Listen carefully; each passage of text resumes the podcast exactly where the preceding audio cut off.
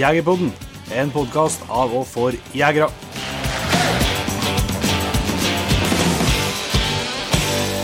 Hjertelig velkommen til en helt ny episode av Jegerpodden. Dagens studio er rett og slett eh, i en Toyota Hilux på en parkeringsplass i Lillestrøm. Utenfor Nova Spektrum. Ja, så vi, vi spiller inn podkast der vi Der vi er. Der vi er vi. Det er meninga, det. Ja, det er det. Vi må være på veien, skal det bli podkast. Og uh, ukens episode det er et uh, aldeles ferskt opptak fra brødrene Vattum. Ja. Espen og Kenneth, som holdt på Ringebu. Og det vil jeg jo betegne begge brødrene som eh, særdeles ivrige jegere. Ja, begge to. Og et visst snev av konkurranse. Ja, litt, litt konkurranse mellom brødrene, det er jo bra. Og vi er jo innom eh, veldig mye forskjellig. Her så er det noe for en hver smak. Det er både med og uten hund, skal jeg si, og det er reinsjakt, og det er elgjakt, og det er ikke minst jervjakt og gaupejakt. Og litt eh, Hjort. litt hjort og litt harrejakt. Ja, ja, ja. Så her er bør det være noe for en hver smak, vil jeg si. Og så er vi på en prat der eh, undertegnede har eh, litt problemer med halsen for tida. Så det, Det, eller, du har jo bestandig det problemet, men nå er halsen. det vil si at eh, det er bare å beklage hvis du hører litt hosting i bakgrunnen i enkelte perioder av opptaket. Det er gjort er forsøk på å gjøre noe med. Ja, men det, er ikke- alt, alt lar seg ikke gjøre i teknikken. Nei, det er klart når det, når det er mer som det er jo en sjiraff her da, som har herpetegnelse. Det er klart at det, det legger sitt preg på opptaket. Det må nå bare det være overbærende med. Er alternativet gjorde noe podkast, og det er ikke noe liker. Nei, det er ikke noe likere. Nei. Så det, vi skal straks sette over dem til dem, altså. Men eh, vi må kanskje prate litt om det som eh, ligger bak og, og før oss. Eh, Du var og jakta litt rev i helga. Ja, det var stemmer det. Det var eh, Det så da så noenlunde bra ut med vær og føre, vær og føre hjem, men så har jeg jo en kompis ute i Velfjorden da, som eh, sender meg bilder og værvarsel av enda bedre vær og føre. Så da er det bare å hive seg i bilen og ta seg en eh, dagstur til, til Velfjorden og jaga litt rev der. Og det, det lønte seg for så vidt, det. For det ble en eh, bra los og knallfin treningsrunde med hund, men eh, ikke noe skjøting, da. Han lurer oss gang på gang oppi brata der, reven, så, så Men Han tura vel på et vis, men det var ganske lange turer. det var ganske lange turer, ja. Det var en Det var såpass gærent at han, han I losen så tok han seg en runde fra et viltkamera òg, så vi fikk, eh, vi fikk bilde av han i- underveis i losen Også, så det var en eh, det var en eh, fin rev, men som da lever i beste velgående fortsatt. Yes. Og klar til nye loser. Ja, Ja. Det er fordelen, da. det er fordelen. Og En god treningsrunde til, til jakta som dukker opp neste uke. Ja, da er jo endelig gaupejakta i gang. Ja. Det er jo alltid et av årets høydepunkt, og det første kanskje sånn jakthøydepunkt i året. da. Eh, veldig spent for vår del hvor mye jakt det blir. Sånn er det vel rundt om eh, litt forskjellig rundt om. Noen har jo ikke jakt i det hele tatt, og noen har roselige romslige kvoter. og Mm. Vi eh, vet vel ikke helt ennå hvordan det blir. Eller altså, det er jo kommet Nei, et jo, eh, jo, forslag, men ja, det er jo tildelt en kvote, men uh, vi jo vet jo, som vi har snakket om her, så har det jo blitt eh, tatt ut uh, en par grupper på skallfylling. Mm. Uh, så er det jo hvor mye kan, om de trekker dem til kvotene, og så Men jeg, jeg anslår at i starten så skal vi være fornøyd hvis vi får til to jaktdager. Ja, det tror jeg. Det tror jeg. Det er jo litt eh, omgjøringer i region 6 eh, på hvordan de har tenkt å gjøre med, med det som er i forvaltningsområdet. Ja. Så det, vi har jo jakt både i og utenfor forvaltningsområdet. Ja. Men, eh, men det er vel ikke enda helt klart ennå. Altså det, det, det er vel mer eller mindre automatikk, virker det som at når det blir gjort vedtak om noe som helst som handler om at det skal felles rovdyr, så, så eh, blir det noe klager på det. Det kommer en rekke klager. Ja, så det er vel ikke kommet svar på de klagene, ja, men så vidt eh, jeg har fått med meg før, i hvert fall, så har det ikke vært noen tradisjon for at de klagene eh, på, på de vedtakene her har ført fram noen ting. Nei, ikke på gaupe- gaupekvota i hvert fall. Nei, det er det jeg mener. Så vi håper nå at det, det skal bli greit å få et svar snart, da. Ja. Og så har vi jo noen spennende jaktdager framfor oss før det òg. Mm. Vi setter jo, vi er på Østlandet nå, det er ikke lenge til vi skal sette kursen enda litt lenger øst. Nei, vi skal til, til Sverige mm, og oppleve forskjellig der. Først skal vi nå på en eh, ny eh, skytekino, en skytebiograf. Ja, ja. i- Som Vill Villmarken har satt opp i ja, det er vel i nærheten til Karlstad. Mm. Det blir, jeg har aldri prøvd sånn skytebiograf, så det gleder jeg meg på. Det er ikke sikkert den får lov til å være på jakt etterpå. Nei, men da må du bare kjøre inn, da. Ja. Men eh, det jeg stusser, vi skal, vi skal være med en Knut Alhjem, så det er vel Eh, han er jo litt skeptisk til oss ettersom at han Sendte oss send- sender oss dit først. Ja, han vil justere noe sjøltillit før vi, skal på pass. Ja.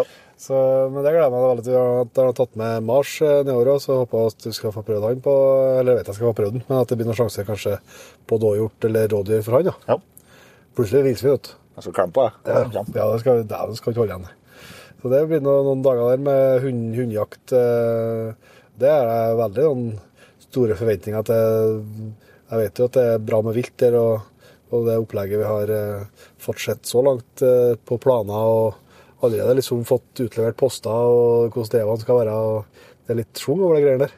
Det er ikke noe tull når eh, Knut Arne Hjems er jaktleder. Nei, det virker ikke Da er det Timet og tilrettelagt. Ja, så det skal jo komme en fyldig rapport på, på neste uke, da.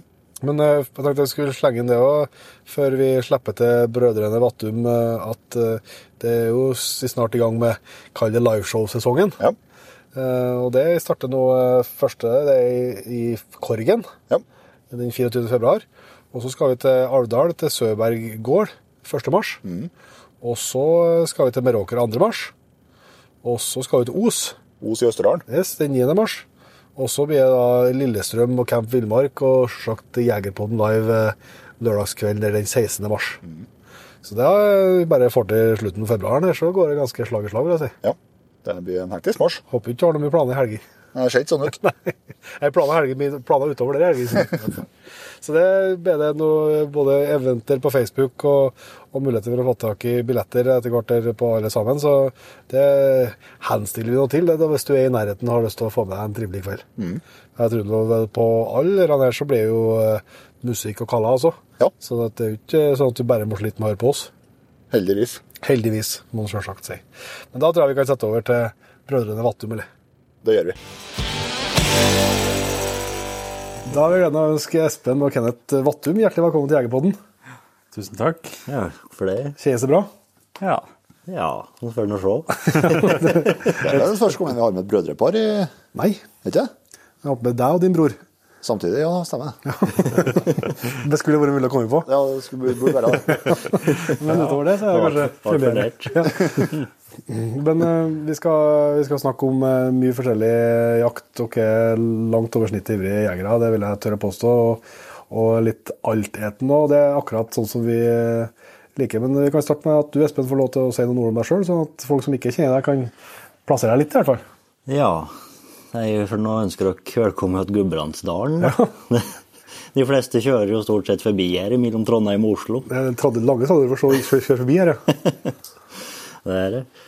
Nei, en 35 år borti og noe ivrig jeger, som du sier, og, og eh, har nå kjerring og tre elgbikkjer per nå. Ja. Måtte dessverre ta den eldste her nå for 14 dager siden. ja. Den ble brått, brått dårlig. Men det var en godt voksen hund, vet du. Ja, han ble 14 og hjert, Ja. så det var en grei alder, det. Ja. Det var det. Ellers er jeg nå ivrig på det meste av jakt, både det som har hoggtenn og klauer. Så. ja, Hva du gjør når du ikke jakter? Nei, Si det. eh, nei, når jeg ikke jakter, så går jeg mye på ski, randonee, og Ja. jeg liker å holde meg i form, så mye av bikkjene her eh, bærer jo litt preg av noen halvlange joggeturer innimellom. Ja. Det er det, men liker å være mye ute, ja. ja. Og så fyrer vi en del om sommeren, da. ja. Det gjør oss. Tar noen turer. Kenneth, da. Du må gjøre, gjøre deg litt kjent, du òg. Ja, jeg heter Kenneth Vattum. Jeg blir 31 i år. Så du er minste, minstebror, da, skjønner jeg. Ja, jeg er minste, ja. ja. Jeg jobber på et firma rett ned, ned på Friar. Ja. Krokasser AS. Okay. Driver import og containere og lastebilhengere. Mye forskjellig. Kjører trøkk der. Mm. Så er det samboere og tre bikkjer ja, hjemme. En russerstøver, og så er det en hjemton. Ja. Og så en eh, svart elgona, som er banan. Så du har kommet heldigst ut på hundesida, du, skjønner. Ja, jeg har gjort det. Men, vi hadde ikke vært mange sekundene inne i huset, for vi er jo i Ringebu nå. Men det, vi hadde nå så vidt vunnet stengt døra, for dere fortalte at dere var, dere var egentlig fra Fåvang. Ja. Oppvokst på Fåvang, ja. Ja. Det går ei grense i Klaubergan. Men det var noen fordeler med å flytte til Ringebu, og det ble ble, i hvert fall her vi bor nå, så er det sånn innebyggs både på Soljafjellstyret og Ringbufjellstyret, så ja, har litt, litt muligheter med rennstrekkinga, i hvert fall. Ja. Øker sjansene på trekkinga. Ja. Men interessen, eh, interessen for jakt og, og den biten er det fra barndommen, men foreldre eller besteforeldre, eller? Ja, det har kommet mer eller mindre inn ved morsmjølka, det. Ja. Stort flere generasjoner som har jakta. Men har det liksom vært like allsidig som dere, skal jeg si, eller er det liksom, har dere, har vært, elgjegere, eller? Nei, og så er jeg vel prega mest på, på reinsjakt og elgjakt, ja. Ja. Jeg ble jo, kommer jo haug, jeg ble jo båret rundt inn i Reinsfjellet her i, i Bæremes. Ja. Så det, så var vi tidlig, tidlig inn i fjellet. Ja. Det, det var også Og elgjakt òg har jeg jo for så vidt vært med på. Vært med på siden vi var bitte små. Satt jo i, i jervenduken mellom føttene på en pappa når han skjøt en diger elgokse. og jeg sov like godt både før og etter skuddet, og han vekte meg en time eller noe etterpå. Lurte på om jeg skulle være med nedpå og se på elgen. Lurte på åssen elger du har, har skutt. Jeg har ikke hørt noen verdens ting. Sånn, eh, jeg har også vært med og så har både besteforeldre og mor som jakt, og onkler og Ja. Så det har vært mye muligheter for å ha vært med fra barndommen, ja. Ja, absolutt. Ja, det. Er det samme med, med hundene òg, eller? Altså at eh, det er jo hundene liksom vært med, vokst opp med jakthunder? Ja, mamma og pappa hadde vel ikke så mye jaktbikkjer, men så hadde noen onkel som hadde opptil flere elgbikkjer, i hvert fall. Ja. onkel jeg sier noe Tore, da. Mm. Men at han hadde jo oppdrett av mm. elghunder. Han hadde alt siste kullet på ene tispa han hadde, Varga. Han hadde para med en eh, Eno. Elg, Arne Fossmos Elgkronas Eno. Ja. Som var en, en kjent, kjent brukbar hund. Så da tok jeg att en Balder, som eh, att ifra der, som var min første hund. Ja. Men ellers så har jeg liksom hatt litt, litt ansvar for elgbikkjene på jaktlaget til onkel Vegard, da, som jeg var med og jakta på, på Vinstra. Jeg hadde litt ansvaret for dem allerede tidlig, og fôra dem og slik. Og han var sikkert ikke mer enn seks-sju år da han begynte med det. Nei. Så det er derfor det sitter så djupt i kroppen, ja. ja. Ja. Det ble tidlig elgon, ja. ja. Men uh, Kenneth, Gråen. ja, ja, det, det, det er forskjell, forskjell på det, gitt. Eh, du, Kenneth, du kan fortelle oss eh, om ditt første vilt. Jeg kjenner på det. Første vilt, eh, første småviltet mitt, det var nok eh, en herra. Vi var ja, var ikke mitt egen 14 eller 15. Den, den skal ut på Bosåjakt, da, som hun kaller det. Ja. Går på sporsnogen. Ja, da må jeg fortelle litt om, for det var dere innom før her, at det var Bosøjakt var liksom eh, Det var det store før. Ja, det var det. Kjørte oss nå som regel grytidlig inn i våre fjell om morgenen. Når det var kommet nysnog. Ja. Og så oss eh, hvor herrene hadde hoppa. Og så da var det noe, så fant vi som regel flere spor da, som vi hadde å gå på utover dagen. Så begynte vi på ett spor. Så gikk vi bortover der, da, og så fant eh, ja, gikk vi med oss på sporet. Ja. Det plutselig fikk se da, som spratt opp. ja. Skjøt den på daglige. Skjøt den på dagleie, ja. ja. Det var nok den første småviltet jeg skjøt, i hvert fall. Lærerik jakt, for, lærerik jakt å drive med tidlig jaktkarriere. Ja, det er veldig spennende. Når Bosøjakta på her, den går på sporene. Ja. Den springer ikke bare rett fram, han. Nei. Flyr både framover og bakover, den. Sporene sine. Ja, for du nevnte Espen, vi litt på forhånd her, at den her eh, spårkunnskapen som eh, den jakta for meg nyter du godt av i dag, den dag i dag, skal jeg si. Ja, absolutt. Det Hvis du har gått etter det her før, så ser du at den hopper opp igjen felene sine ganske mange ganger, og du blir fort eh, ikke, Du blir ikke utlært, men du, du skjønner fort hva, hva som du lærer liksom triksa fort, da. Ja. Eh, at en flyger opp av sporrekkene sine, og når du ser fort at det kan være både dobbeltspor og trippelspor, og, og at en flyger og så hopper av, den, når du ser da, at det begynner å bli flere spor oppå hverandre, så da må du følge med på siden og, og sette hvordan en har hoppet av oss. For en skal, skal som regel lure dem som kommer bak. Ja. Eh, Blant annet eller rovdyr spesielt, eller reven i hvert fall, som og gaupaure som kan komme bak. Eller Så vattum. eller oss, da. Han har jo sett flere ganger noen som driver sporer gaupe at Jeg to går jo ofte opp igjen sporene sine. ja. Ja. På samme vis, ja. samme må vise nesten som herrene. Når dere driver med der bosejakta, er det noen som posterer, da, eller, eller- eller er det bare den som er på sporet, som måtte jakte? Og så er det som regel flere som har gått på sporet, da. Ja. Så er det et spor som deles i, så går den jo Ja. går hos hver vårt spor. ja. Plutselig så smeller det borti hugget der.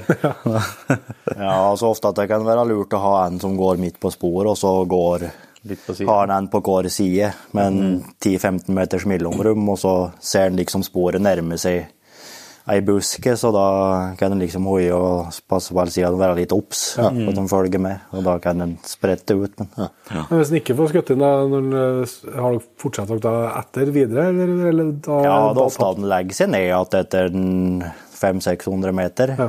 Det blir jo ofte litt spor igjen, for Ja. trør jo opp at feilene sine som en har trakka hele natta og dagen før igjen. Så sporinga tror jeg ikke blir noe enklere selv om det er ferskere, nei. Nei, det trenger det ikke å bli. nei. Du lærer fort å se litt forskjell på hva som er ferskt og gammelt. Da. Ja. Det eneste som kan lure litt der, det, er kram snog Ja. på ferskheten på sporet. Ja. Går, men det er jo ikke herrejakt. Nå er det noe så varierende temperaturer. Da, så hadde du vært på bosojakt i dag, så hadde det vært kram snog. Men, men du lærer fort like småting med å, rekke sporedyr og, og tenke litt like kjapt da, Ja.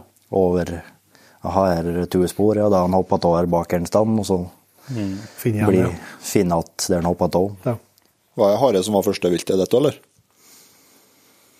Eh, ja, jeg har ikke vært noe utprega småviltjeger, egentlig. Jeg tror jeg hadde én tur på moped inn i fjellet til noen rupe. Og da var det sikkert i dårlige år, for jeg så ingenting i hvert fall. Jeg følte at dette skulle en ikke drive med. Og da også fikk jeg noe eh, rifle første gangen. Og da kjørte jeg noe moped da òg. Skulle nå sikkert på noe ut på et eller annet. I hvert fall så så jeg noen herrer på jordet. Da tenkte jeg at nå skulle jeg teste om denne børsa gikk på. Og det gjorde hun. Ja. Så det var første småviltet, ja. Ellers har jeg vært mest på, på storvilt, ja. Ja. Og rovdyr litt, litt mer rovdyr i senere tid, da. Og du drev med noe særlig småviltjakt tidligere, eller fortsatt? Ja, jeg drev med en god del lenger enn broren min. Ja. Eh, Både skogsfugl og, ja, og rev, da, blant annet. Mm. Så jeg reiste ofte inn på Tannsmoen alene, jeg og, og så hadde en kongepuddel hjemme til mamma. Så jeg og, jeg og den var ofte innpå der på overnattingsturer da, i helgene. like. Ja. Så han lå oss i telt og Hvordan var kongepuddelen på jakta? Nei, han var nesten mest bare for selskap. Så da ble det kjørt innpå der, for jeg hadde jo ikke førerkort på noen ting da. Det var vel 16 da. Så da lå jeg der om i ja, flere helger på rad Ja. og jakta skogsfugl da. Mm. Så Hvordan eh, vet du at dere er allsidige jegere, men eh, hvis dere kjapt skal dra oss gjennom eh, jaktåret, da, hvordan ser- ser det ut er juli til juli, da? Kenneth? ja, hos meg så starter det 10. august. Ja. Da har vi elbursdag òg. Ja. Så som regel så har jeg fått skyte med en eh, rådyrbukk da, Ja, på bursdagen. burs- 10. bursdagsbukk. august. Hæ? Bursdagsbukk. Bursdagsbok, ja. Ja. Da er det. Og så etterpå det, så da blir det nå eh, rensjakt 20. august. ja. Det er nå ett årets høydepunkt. Men i fjor var det ikke det? I fjor var ikke det, nei. Nei. Da ble det litt andre planer. Da ble det bjørnejakt i Sverige, ja. så første året, da det var spennende sted. Fikk sett bjørnen, men Det var første året du ikke jakta Rein 20. skjønner jeg. Første året ikke jakta den 20. august, ja. Ellers har det vært eh, kort år. Ja. Og etterpå det så kommer det noe hjortejakt og elgjakt og Mm. Så blir det noe mer revejakt igjen utpå senvinteren. Mm. Og gaupejakt 1. februar. Og jerv, innimellom igjen. Det jaktes på stort sett alt, og storvilt i hvert fall. Ja. Er det noe lignende til deg, Espen? Er du ivrig på bukkjakta du òg? Nei, jeg er ikke så Jeg løser som regel bukkejaktkort kort år. Ja. Men eh, jeg har vel til Jeg har vel skutt i et par bukker i august, men det blir det blir egentlig mest litt forberedelser til elgjakta. Ja. Nå har jeg hatt fire elgbikkjer som en bruker mye tid på. Og jeg bruker mye tid på, på elgbikkjene, så det Og da eh, er det harmelig liksom å kaste bort den siste måneden for at de skal dette ned igjen såpass i form. Mange trener dem jo liksom godt i forveien, og så, og så lett dem ja, bruke bort litt av tid, da, sin jeg kanskje, før i elgjakta.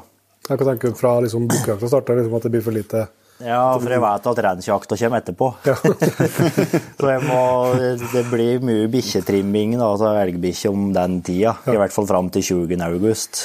Det er jo ikke at de ti dagene har så fryktelig mye å si, men, men jeg, jeg bruker i hvert fall den tida på, på elgbikkjene. Men jeg bruker jo ofte det bukkekortet blir omgjort, omgjort til rådyrjakt. Ordinær jakt. ja. Ordinær jakt Ja. eh, senere. Eh, men det blir jo brukt litt av tid på reinsdyrjakta når den begynner. Mm. Og så går jo elgjakta og jervjakta og Det går jo hele året. Ja. Nå har det jo vært så jevnt med skadefellinger og slik her, eh, både på jerv og ulv og, Om sommeren, ja. og slik om sommeren òg, så eh, et jaktår eh, det jo, går jo nesten ifra juli til, til juli. Da, sånn, eller fra august til august. Det var, det verken ikke en starter eller slutter, nei. Ja. Det har vært jevnt ei stund, ja. Ja. Så mye fi- fisking da om sommeren, før bukkejakta. Ja. ja. Ja, jeg så det på noe, Vi driver og snukler litt på noen sosiale medier før her, og det var noe skikkelig fine rugger der, altså. Ja, hvor vært heldig i år. Og mange store. det har det. Er det fluefiske du driver med? Hæ? Er det fluefiske Nei, slukfiske. fluefiske? Ja. Du skal få, en får fisk, vet du. Ja, ja. Ja.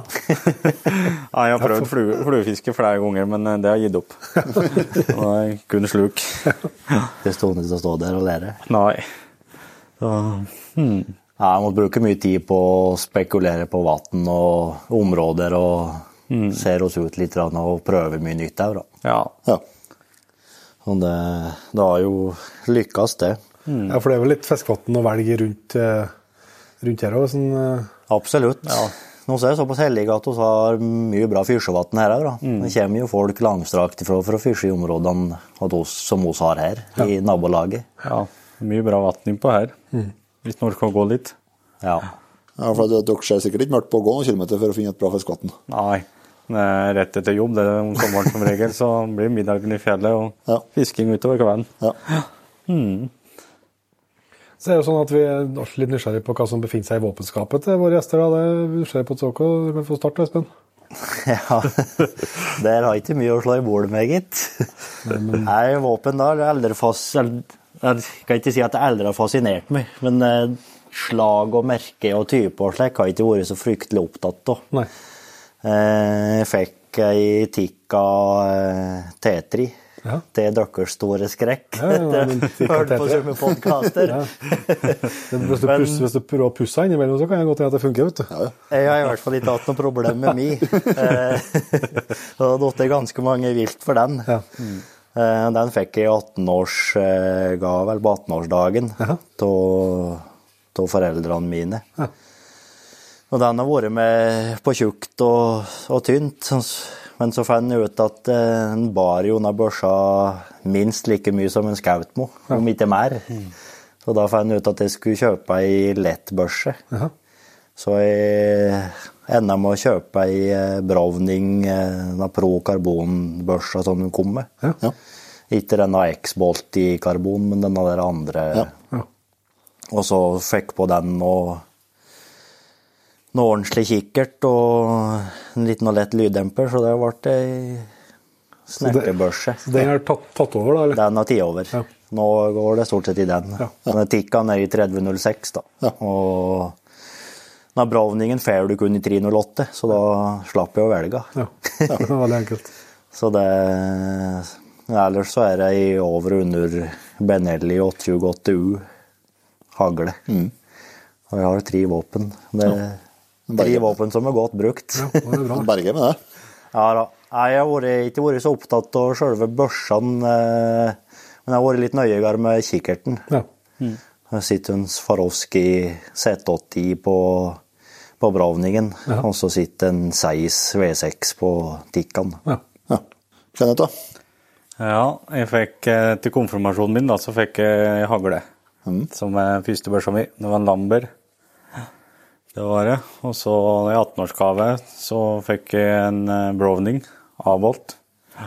Som man sier sikkert på Natec Demper. Så eh, Og så etter kort så har jeg kjøpt, kjøpte med Tikka T3 ja. I kaliber 6 Her, her, her. her var det storebror, vet du. ja, Og så hvor godt det gikk, så Den har jeg, den har jeg GR-stokk på. Ja. Og så sitter en Swarovski Z6i på noen Hausken demper. Ja. Den synes jeg den skyter jeg jævla godt med. Så den er godt for den. Så det, det er som hoved, Den jeg bruker mest. ja, det er små hovedbørsa. Ja.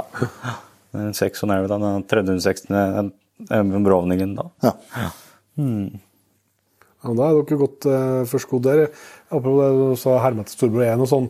Eh, hvordan er jeg vet jo det er litt forskjellig blant brødre, men hvordan er dere? Er, dere har jo åpenbart ganske like interesser. Er det noe konkurranse mellom eh, Eller liksom, er dere eh, Eller liksom, tenker dere ikke noe på det? Nei, jeg Vet hvem som ikke kanskje like at Det er ikke nevner for eh, offisielt. Nei. Direkte på Rina, men det, det er nok litt, litt internt lekk. Du vet hvem som har kuttet mest av det og størst Ja, av det? og sånn. Du har Hvem som har skutt størst av hjorteviltene, i hvert fall. Det har du det har klart. Sa sier du og gliser. Og mest. Og mest. Men tre siste år. Jeg leda en stund med den største fjellfisken òg, men eh, Skar seg det òg? Ja, nå er det vel likt, tror jeg. Ja, jeg husker ikke. Men Ja, jeg husker ikke helt. vet du. Men litt ja, kniving, du. tok, nei, jeg husker ikke hvordan den var. Men eh, det var 1,8 den de tok i fjor. Ja, Han leder med 50 gram, da. 1,9, altså. Det er ganske, 1,9, ja. Det er ganske greit. det innafor, det.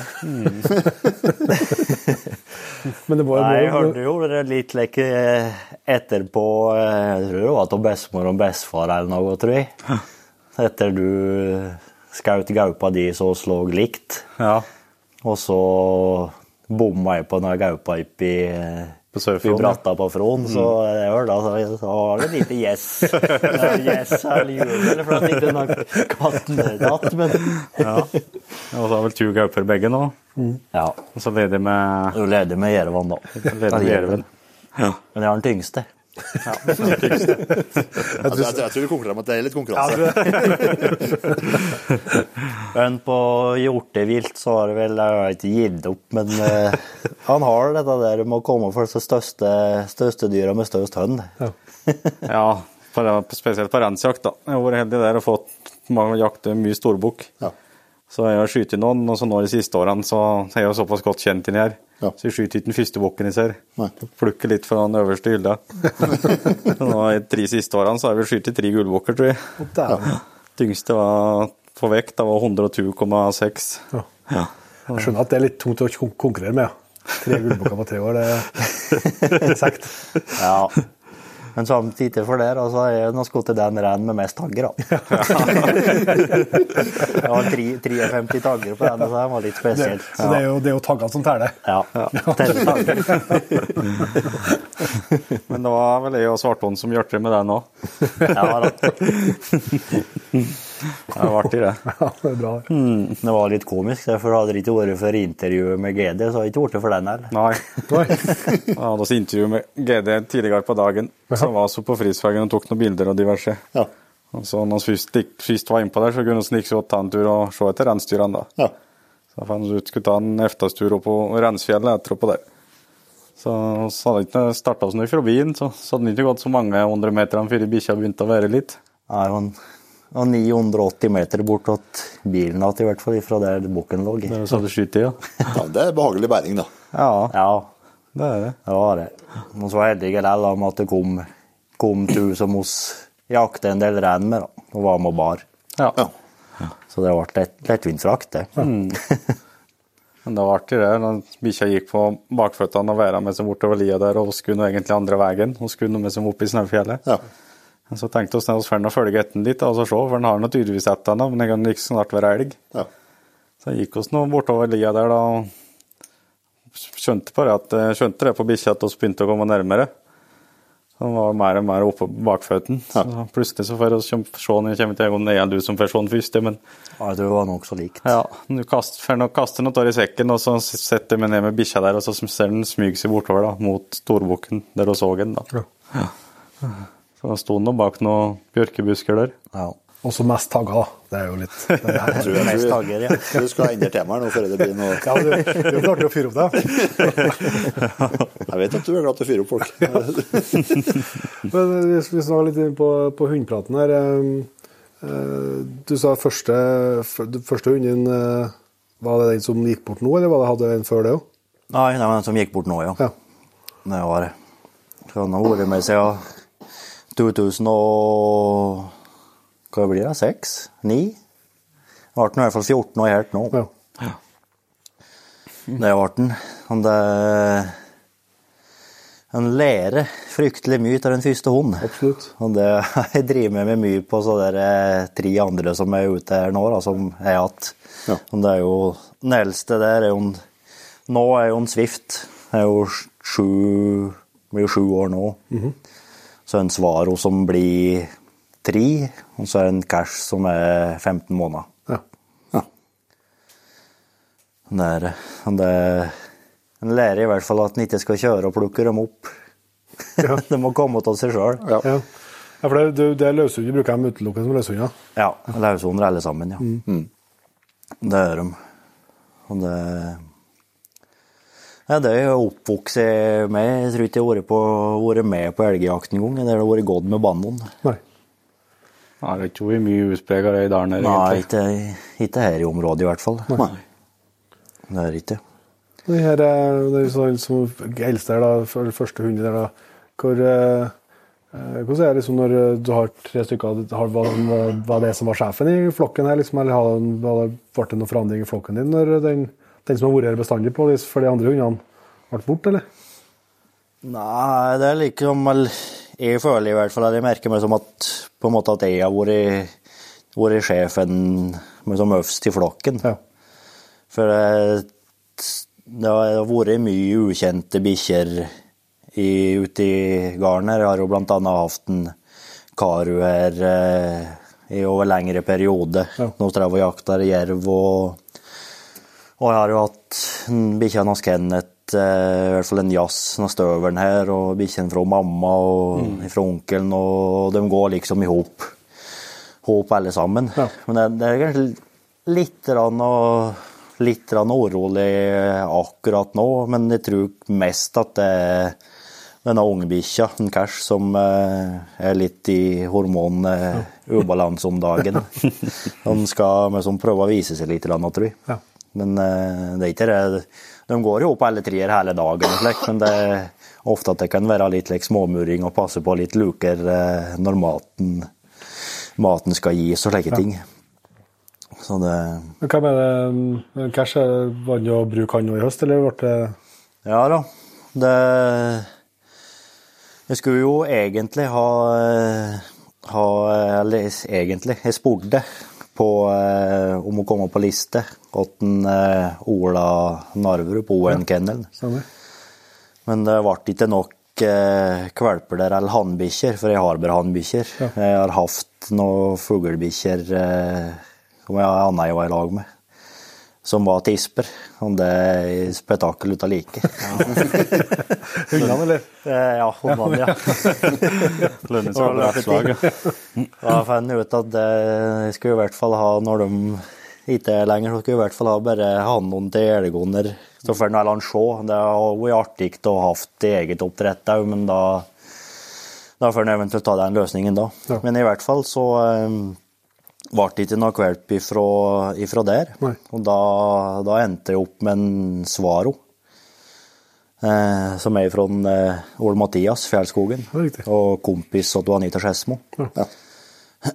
Men jeg fant ut at jeg var såpass ivrig da, på de, de linjene fra den, eh, den kennelen, da, fra ON-kennelen. For de tegna jo fryktelig godt, alle sammen.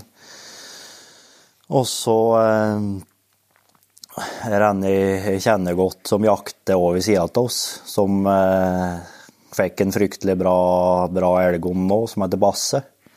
Som òg var fryktelig tidlig jaktmoden og gikk, gikk vel til nordisk jaktsjampionatet før hun var to år. Ja, der ruller det på bra. Sånn det fryktelig, gikk fryktelig bra med den. Ja. Og den fikk ei paring med, med tiss på den som heter Kjell Arvid Briskodden, med ON Diana. Ja. Og hun har jo hatt en del kull, som, eller hatt to kull før, som tegna nokså bra. Så fant jeg ut at, at de genene var jo bra, da. Ja. Og da ringte nokså kvast at han Simen, eh, han som hadde hannoen, en basse, eh, at hvis ikke du skal ha paringskvalpen, så var jeg fryktelig hauga på å kjøpe den paringskvalpen. Ja. Så da, det skulle jeg få lov til, da. Og da ringte ringte jeg til eh, Kjell Arvid da og prata, prata litt med han og sa at hvis det var mulighet, så var jeg hauga på, på en kvalp. Da. Ja. da skulle jeg få det hvis det ble, hvis det ble mange nok, da. Og det ble det. Så han fikk det var litt trå start på den, men jeg fikk skutt i første, første elgen for den på helt til slutten på elgjakta. En kalv på utrolig godt arbeid. Jeg jo litt opptatt av at det skal skutes de første elgene i, i stålos. Ja. Eh, og det var litt urolig åt oss i hest. Det var ikke bare bare å få elgen til å stå. Vi jakter jo på fjellterreng. ja. Men var liksom man, man mer urolig i år enn dere er vant til, skal jeg si? eller? Ja, jeg syns egentlig det. For den var, var urolig i starten, som en pleier på å være. Først i uka som regel. Og det er jo så vant til at det, det er det. Men jeg syns meg som ikke det, det, det ble meg som ikke roligere. Det var meg som likt nokså jevnt hele tida. Ja. Mye flyging og og Svaro ene dagen hadde jo fire mil etter den ene elgen, og jeg fikk jo fremdeles ikke til å stå, så det Men i hvert fall så lykkes de med å få første elgen for cash, og da hadde han tegna såpass godt før og hadde los på elg og slikt, men det sto ikke, og så sto det på feil terreng, og så Ja. ja, slike, Så- som- sånn ting, da. det. Ja. Det lykkes liksom ikke med en gang, og så Nei. jeg ut at jeg skulle melde den på jaktprøver, hadde jeg bestemt meg for. Så jeg har gått to, til to førstepremier, men da. Ja. Jeg mangler todagersprøver. Ja. Men det fikk oss dessverre ikke prøvd på i januar, for det, både snogen og vinteren tok oss. Ja. Ja. Men eh, det er jo ganske Selv om, eh, selv om du hadde gjort det opp i jaktprøve uansett, men, men den, det er litt forskjell på å gå på en, ny vinter med en unghund og venting når du fikk den siste helgen helt til slutten på elgjakta. Uten Ja. at eller, du ikke har fått den. Selv om du vet at hunden er bra, så er det, liksom, det, er noe, det, er noe, det er litt lettere å ta, ta vinter likevel. Absolutt, det er det. Sjøl om en tegna, tegna bra og viste interesse eh, veldig tidlig eh, av vilt, så det blir jeg veldig overraska hvis det ikke hadde blitt jaktbikkje. Men det er jo liksom i spørsmål når de kommer, det er når de sleter. Men jeg er veldig opptatt av å ikke slippe dem for tidlig. Ja. Eh, de slipper ikke Eller det kan jo tolkes på veldig mange måter, da. Men de slipper bikkjene så tidlig at de ikke tør å stikke. Og da har de bare med i skogen så de går ja, rundt med, liksom. Og så når jeg ser at de begynner å nærme seg liksom en fem-seks måneder og slikt der, så da, da er ikke skoga Da slipper de ikke. Nei. Det er ikke. Men jeg slipper dem at når de begynner å nærme seg året. Ja. Ja. For det, det er nok, nok av de historiene der folk angrer på at de slipper bikkja for tidlig. Men det er sjelden du hører at folk, eh, folk ikke angrer på at de venta. Nei, At de angrer Eller på at de angrer på at de venta. Nei, det, det tror jeg er til gode å høre. Så det Og så er det litt med at de skal bli modne nok til å møte dette der òg. Ja. Men samtidig så eh, Jeg trimmer jo bikkjene mye med å jogge. Ja. Og da jogger jo mye på stier og fjell og i skog og, og mark. og slikt. Og da blir de, tror jeg, da, like så vel skogsvante som om du skal gå og sette deg på en stubbe og slippe bikkja og vente. Mm. det er jo liksom preginga på, på naturen, omgivelsene og skogen og lydene og lufter og, og slik, og det tror jeg de får like mye av ved å gå tur med dem ofte i skogen, eller og trimme dem, da. Ja. Mot for å, at du Det sitter liksom i oss, dette der at du skal slippe dem løse hele Ja. tida. Men jeg tror det er et veldig godt poeng, for jeg tror det er litt det samme at, at uh, vi jegerne er jo veldig opptatt av det med å snakke om å bli skogsvann, sånn, det er selvsagt veldig viktig. Men så er det jo, det er jo andre ting som òg er, er veldig viktig i hund, for at hundelivet skal fungere. At en får være med og oppleve der det er mye folk. Altså at det kan være biler som kjører forbi. altså Det er masse sånne greier som, som, eh, som gjør at du vil få en enda mer stabil hund til slutt. Ja, ja. Skog- Skogstrening er en del av det, som er Ja. viktig opp imot jakta. Men så, for det skjer jo eksempel at det er en del hunder som for eksempel kan dette gjennom på, på jakt eh, når de kommer til nye miljø. Eller at det er en lang bilkjøring de ikke er vant til. eller altså Sånne ting eh, som kan dukke opp senere i hundelivet. Som gjør at det ikke funker så bra som det vanligvis gjør når du jakter hjemme. Det er det ganske mange som har hatt opplevelse av. og Det tror jeg handler litt om at, eh, at, at altså, skogstilvenning kan være mye forskjellig. da. Ja. Ja, altså det handler om å ha, ha dem med på mest mulig, at de får oppleve mest mulig. ja. For det er jo til å trygge. Ja, hvis er klart hvis du Jeg brukte det som eksempel, da, hvis de kunne vant med å være med deg og bli sluppet oppi, i- fjellet her, og så plutselig skal du på ei jakt der det, der det er 15-20 hunder som står liksom rundt om ei hytte eller, eller på en plass, og så det, det har betydning, det også, at de føler seg usikre på en sånn plass. Absolutt. Så det Ja, jeg nøyer med å bruke litt av kjente omgivelser og, og slik selvsagt med, med skogen og, og slike ting, men jeg er jo nøye med det på jakt da, slik at at det, når de er ferdig med å sleft ei bikkje, så kommer en inn at, at vi har skutt elgen og slikt, så er jeg jo nøye på at, på at de andre de står ute. Men eh, den som har vært ute i skogen, han blir, han blir jo gitt mat, selvsagt, eh, litt å tygge på når han kommer mot bilen. Og så er blett, så tørker den jo. Ja. Og så med ei håndkle eller et eller annet, og så, og så masserer den litt. Og så eh, har jeg ordna meg ei eh, jaktbrakke sjøl, Ja. som jeg ligger til, og bikkjene ligger til. Ja. Og da blir den fyra opp, og så blir den bikkja putta inni der. Ja. Og da får han ligge der og hvile i ro og mak for seg sjøl, mens disse andre er ute. Ja. Sånn, eh, og da, jeg tror i hvert fall at han kommer seg fortere til hektene i hvert fall, og får ro og der en vant med å ligge, liksom. Og, og de er jo inne i den brakka, alle bikkjene om neten, Ja. for de ligger rolig alle sammen da, men jeg skiller dem litt da når en har vært ute. Ja. Er det ei brakk som er på hjul, eller? Ja. Ja, så du drar med deg litt rundt? Ja, eller det var i hvert fall meninga at jeg skulle dra med en litt rundt. Men hun ble litt stor og litt tung. Så jeg kjører henne jeg helst ikke Det lengste jeg har kjørt henne, er jo på Crossbu på Sognefjellsvegen i påska. Men det ble med en tur. Det ble en lang tur. det var en før for bygd treverk, treverk du, eller? Av treverk. Jeg Ja, snekker, vet du. De, eh, de har en tendens til å bli litt tung. De har, har det. Så det ja, å bygge på mål ved en understell. Altså understellet heller. Ja. Men eh, jeg kunne gjerne tenkt meg å ha hatt boggy under der. Ja, ok, ja, såpass, ja. Så det ble tungt med mest av to tonn på, eh, på endeaksla. Ja. Men du, Kenneth, hva starta du hadde hundparken i dag? Så hadde du at du hadde en, en støver og en uh, jevnthund og en, eh, en svarthund. Ja. Men hva er det, noen av- til dem som er dine første hunder, eller? Nei, førstehunden min det var en Fox Terrier Ja. som jeg kjøpte som valp. Ja. Men den ble ikke mer enn halve halvann to år. Ja. Da ble den sjuk, og så måtte jeg avlive den. ja. Og etterpå det så fikk jeg tak i en flotthund som skulle omplasseres. Okay. Den var, var fem-seks år. Jeg hentet den, tror jeg. Den har jeg brukt på rev og gaupe. Og, Ja. og så ulv, så vidt. Funka den bra, den, eller? Ja, den funka veldig bra. Ja. Mm. Det gjorde den. Men den røk jo med til alderdom, da. Du var jo på skadefelling ute i Sykeulven Med den, ja. Stemmer det. det. Det er ganske mange år siden. I 13 eller noe slikt, tror jeg. ja. Da ble oss eh, ringt opp fra kommunen der, da. Fra, og drev oss med mye sporing til ulv her. Ja. Med annet den plotten, da. Så da ville de at vi skulle komme dit og prøve å spore opp den ulven, for da var det jo en ulv i sykkelven. Ja. Så, men eh, når den eh, forsvant, da hadde du kjøpt russerstøvelen, eller? Da ble det russerstøver, ja. Ja. Mm. Den kjøpte jeg som kvalp. Ja.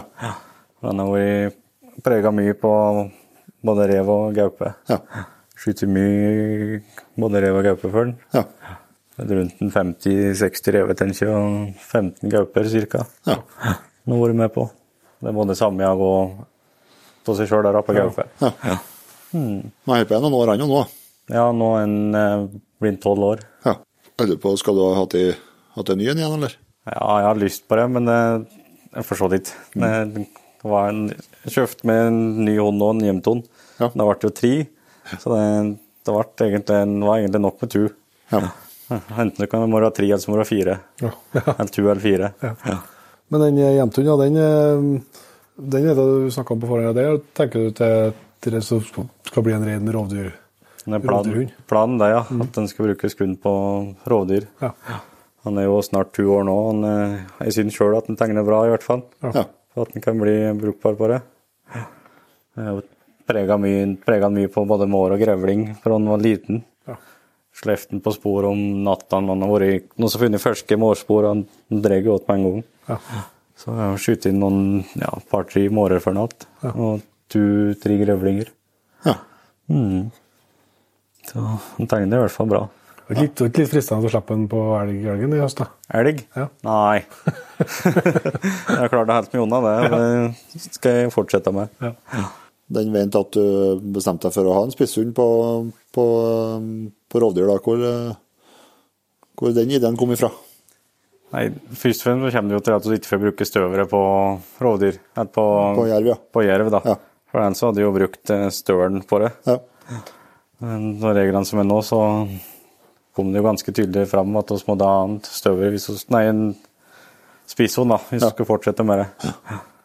Så kom en Espen i kontakt med en da, som hadde en Karu, en tatt Johansen. Rune Johansen. Som vi fikk være så heldige å få låne en høst. Ja. Som vi har brukt på, mye på jerv. Jeg får ta litt om uh, jervejakta. Dere har drevet uh, mye med og som sagt, og lyktes veldig godt de senere årene. her. Mm. Uh, men det, når jeg var inne og kikka på Facebook, så virka det ikke som det var, det var ikke første dagen på jervjakt det ble fall. Nei. Nei. Det, Det er har vært prøvd både det ene og det andre. Ja. Av både bikkjer og åter og båser og gudene vet hva som ikke har vært prøvd. Gått etter på, på spor og på føttene. og Ikke for det, vi har nesten lykkes med det òg, men Ja. postert rundt. Men jeg hadde jo ringa han inn litt først, da, men det blir fort noen kilometer. Men Ja. jeg gikk vel seks år med nokså jevn jervejakt før jeg, jeg i hvert fall fikk skutt den første min da, på åtte. Ja. Og da eh, Vi kommer jo når vi skjøt den, eh, den første jerven, da ble det egentlig Jeg ble nesten skal jeg si, metta. Eller jeg ble ikke metta, men det var som akkurat som om all energien liksom datt ut en stund. Ja. For Det, Seks, år til neste gang. det var litt sånn Hva, hva her er alt?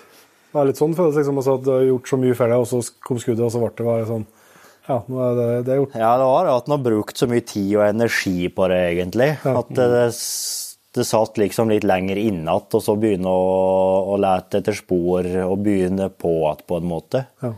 Målet var litt nådd. Eh, sånn. Målet var, var litt nådd, ja, og egentlig litt lik Men jeg følte meg som at sånn puffen eller energien her ble litt, litt borte en stund før den kom igjen. Ja. Det, det har nok litt å si om at det var brukt så mye tid og energi eh, Gjennom den sommeren, ja. på ja, Ikke bare den sommeren, men gjennom de seks åra, liksom, fra både å bruke den og prege en Swift litt, og, og, som ble elghund. Eh, og, og alt slik opp igjennom. Eh, det var det. Altså Før det så var oss jo lå oss jo ofte noen helger eller ikke inn i snaufjellet da, når det var mest sporsnog. da.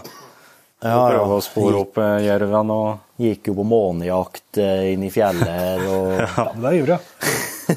og Fjellstyret hadde jo noen åter inni fjellet som var ved noen buer, da. Ja. Som også ofte var i noen helger. Og, Men det har aldri lykkes før vi begynte med Ja, det var først når du Ja, skjøt denne på åte. På, åte. Og så kom jeg jo i kontakt med, med en Rune og lurte på om hun ikke kunne få, eller om hun ikke kunne være med, da. Rett egentlig. Eller om hun ikke kunne prøve å få til noe med noe hund. Det begynte å bli mye jerver. Så vi jo spor alle steder. Ja, og så hadde vi jo prøvd diverse bikkjer eh, her før òg, og, og det vi hadde sjøl, eller i hvert fall det jeg hadde, det gikk jo Det slo jo over på elg ved den første anledning. Og her er jo elgbestanden relativt tett, så hvis du ikke har en tålig klaure, eh, Altså, du får aldri en elghund 100 klauren, Nei. men du må i hvert fall ikke kunne vinkle av jervfela, i hvert fall før i For å springe en kilometer over på vei. Nei. Nei. nei. så da fikk jeg noe lånt en Karu, og da lykkes jo utrolig godt den første hesten. Ja. Lykkes vel på første slippet? Eller var det andre? Tror du første? Nei, jeg hadde jo Sleften i et par turer på mens det var barmark. Ja. Nå lykkes første turen med snog. Kom jo litt grann snogdryss. Da hadde vi en fersk fæl inn i en vei. Så vi slepte oss på han. Og han følte jo fæla, han, for han er ganske spornøy og tar gamle spor. Og dere reiste jo rundt og skulle poste inn i ja, og skulle poste inn i Saubuveien. Saubuveien, ja. Jeg var inn i Røykjønsveien, altså heter den veien, traktorveien. Ja. Det som slefte bikkja. Så jeg var der, og så gikk det oppover mot Snaufjellet. Og så plutselig så ble det uttak oppi der. Ja. Det fløy ikke fryktelig langt før hun klatra opp.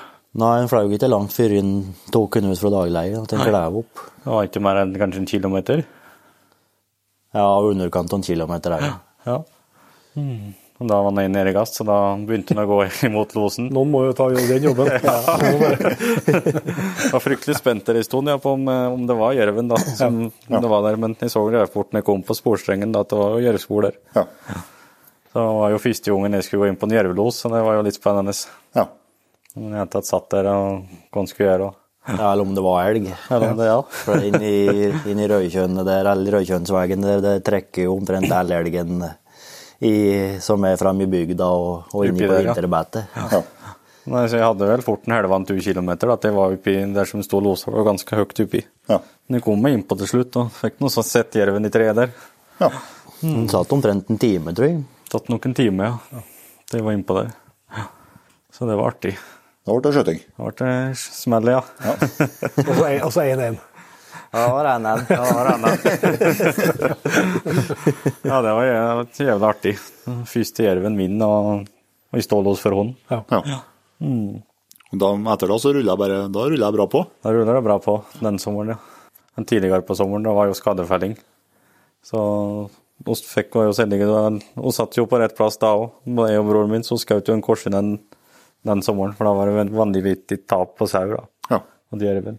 Ja, for det var et eh, artig historie med det, for at du du begynte å legge inn, eh, legge inn plassene på der det var funnet Kadaver, ja. Kadaver og så har var det, ble jo oppsett viltkameraer Ja. på kadaverne. Og Jerven er jo en sanker, Ja. så han kom jo igjen på flere av kadaverne om natta. ja. Så hadde vi spesielt en, en plass der, som det var et berg rett utenfor. Vi fikk bilde av den om morgenen. Ja. Det var vel fort ved ni-ti-tida om morgenen. Det. det var ganske sent, i hvert fall. Ja, var nitida til meg. Så skjønte vi der at den nederste fjellberget var jo rett bak der. Så hadde vi med som det på følelse at den lå der på dagleie. da. Så skulle, ble det nå bare en like eftastur, kveldstur innover Ja, på post. etter arbeid. Rett etter arbeid. Du reiste litt tidligere, for du skulle innover og bytte noe batteri på kamera, eller sjekke noe kamera, tror jeg. Ja, skulle sjekke noen kamera, ja. Og så fant vi oss en fin kul rett nedenfor den berg, berg, som vi satte oss på. Så vi satt vel der kanskje en time, ja, ble kanskje to timer. Ja. Og så fant vi noe et av middagen. I hvert fall. Ja. Og plutselig så sitter vi der, og plutselig så sier jeg, der kommer de, sier. Han fikk så dem ikke med en gang, da. Nå kom de på rekke og rad på en dyretrakter, da. Så Tre, tre jerver etter hverandre. Nei, det var fire. Det var fire, var det? Ja, og ja. tre unge. ja, stemmer det.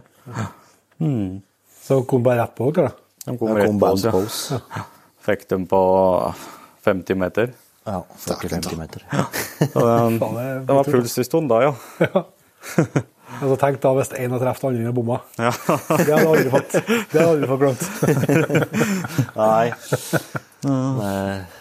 Så det var ikke sånn at det, var det ble ikke krangel om at det var en som skjøt begge, så det, var det holdt med ett skudd til begge to. Da, skjønner du. Altså, delte dem vel likt imellom oss. Han fikk den største, altså så er det den minste. Ja, Storebrødre skal jo være greie. Man hadde jo ingen aning om det var tispa mor, selve mora skaut, eller om det var to unger, men eh, Nei, For det går ikke å se forskjell på dem i størrelse de kom, liksom. nei. De så like store ut, alle fire. Så. Så bare tok de to fremste, var det vel. Det er klart det er tøft å være sau når det går fire Ja. jerver og tar og sanker og Mm. passer skal ordne seg vintermat. Og... Ja. Ja, det var vanvittig med tap den sommeren i hvert fall. Det roa seg litt. Nå fikk vi tut av dem, men det drev fortsatt på. ja, han flyttet seg litt av skadene, vet du. Ja. Ja. Men det ble en del mindre, ja. Men det er jo, det er jo som med jerven, altså det, er jo, det er jo vanvittig tilvekst på ungene. ja. Det er det. Og så bare på i, i Jeg august Jeg tipper den største, den største ungen hos skjøt, var nok like tung som tisparsjål, tenker jeg. Den var vel 11,5 kilo. 11,5 12. Ja. Den minste, minste hos skjøt, var 7,5, tror jeg. Ja.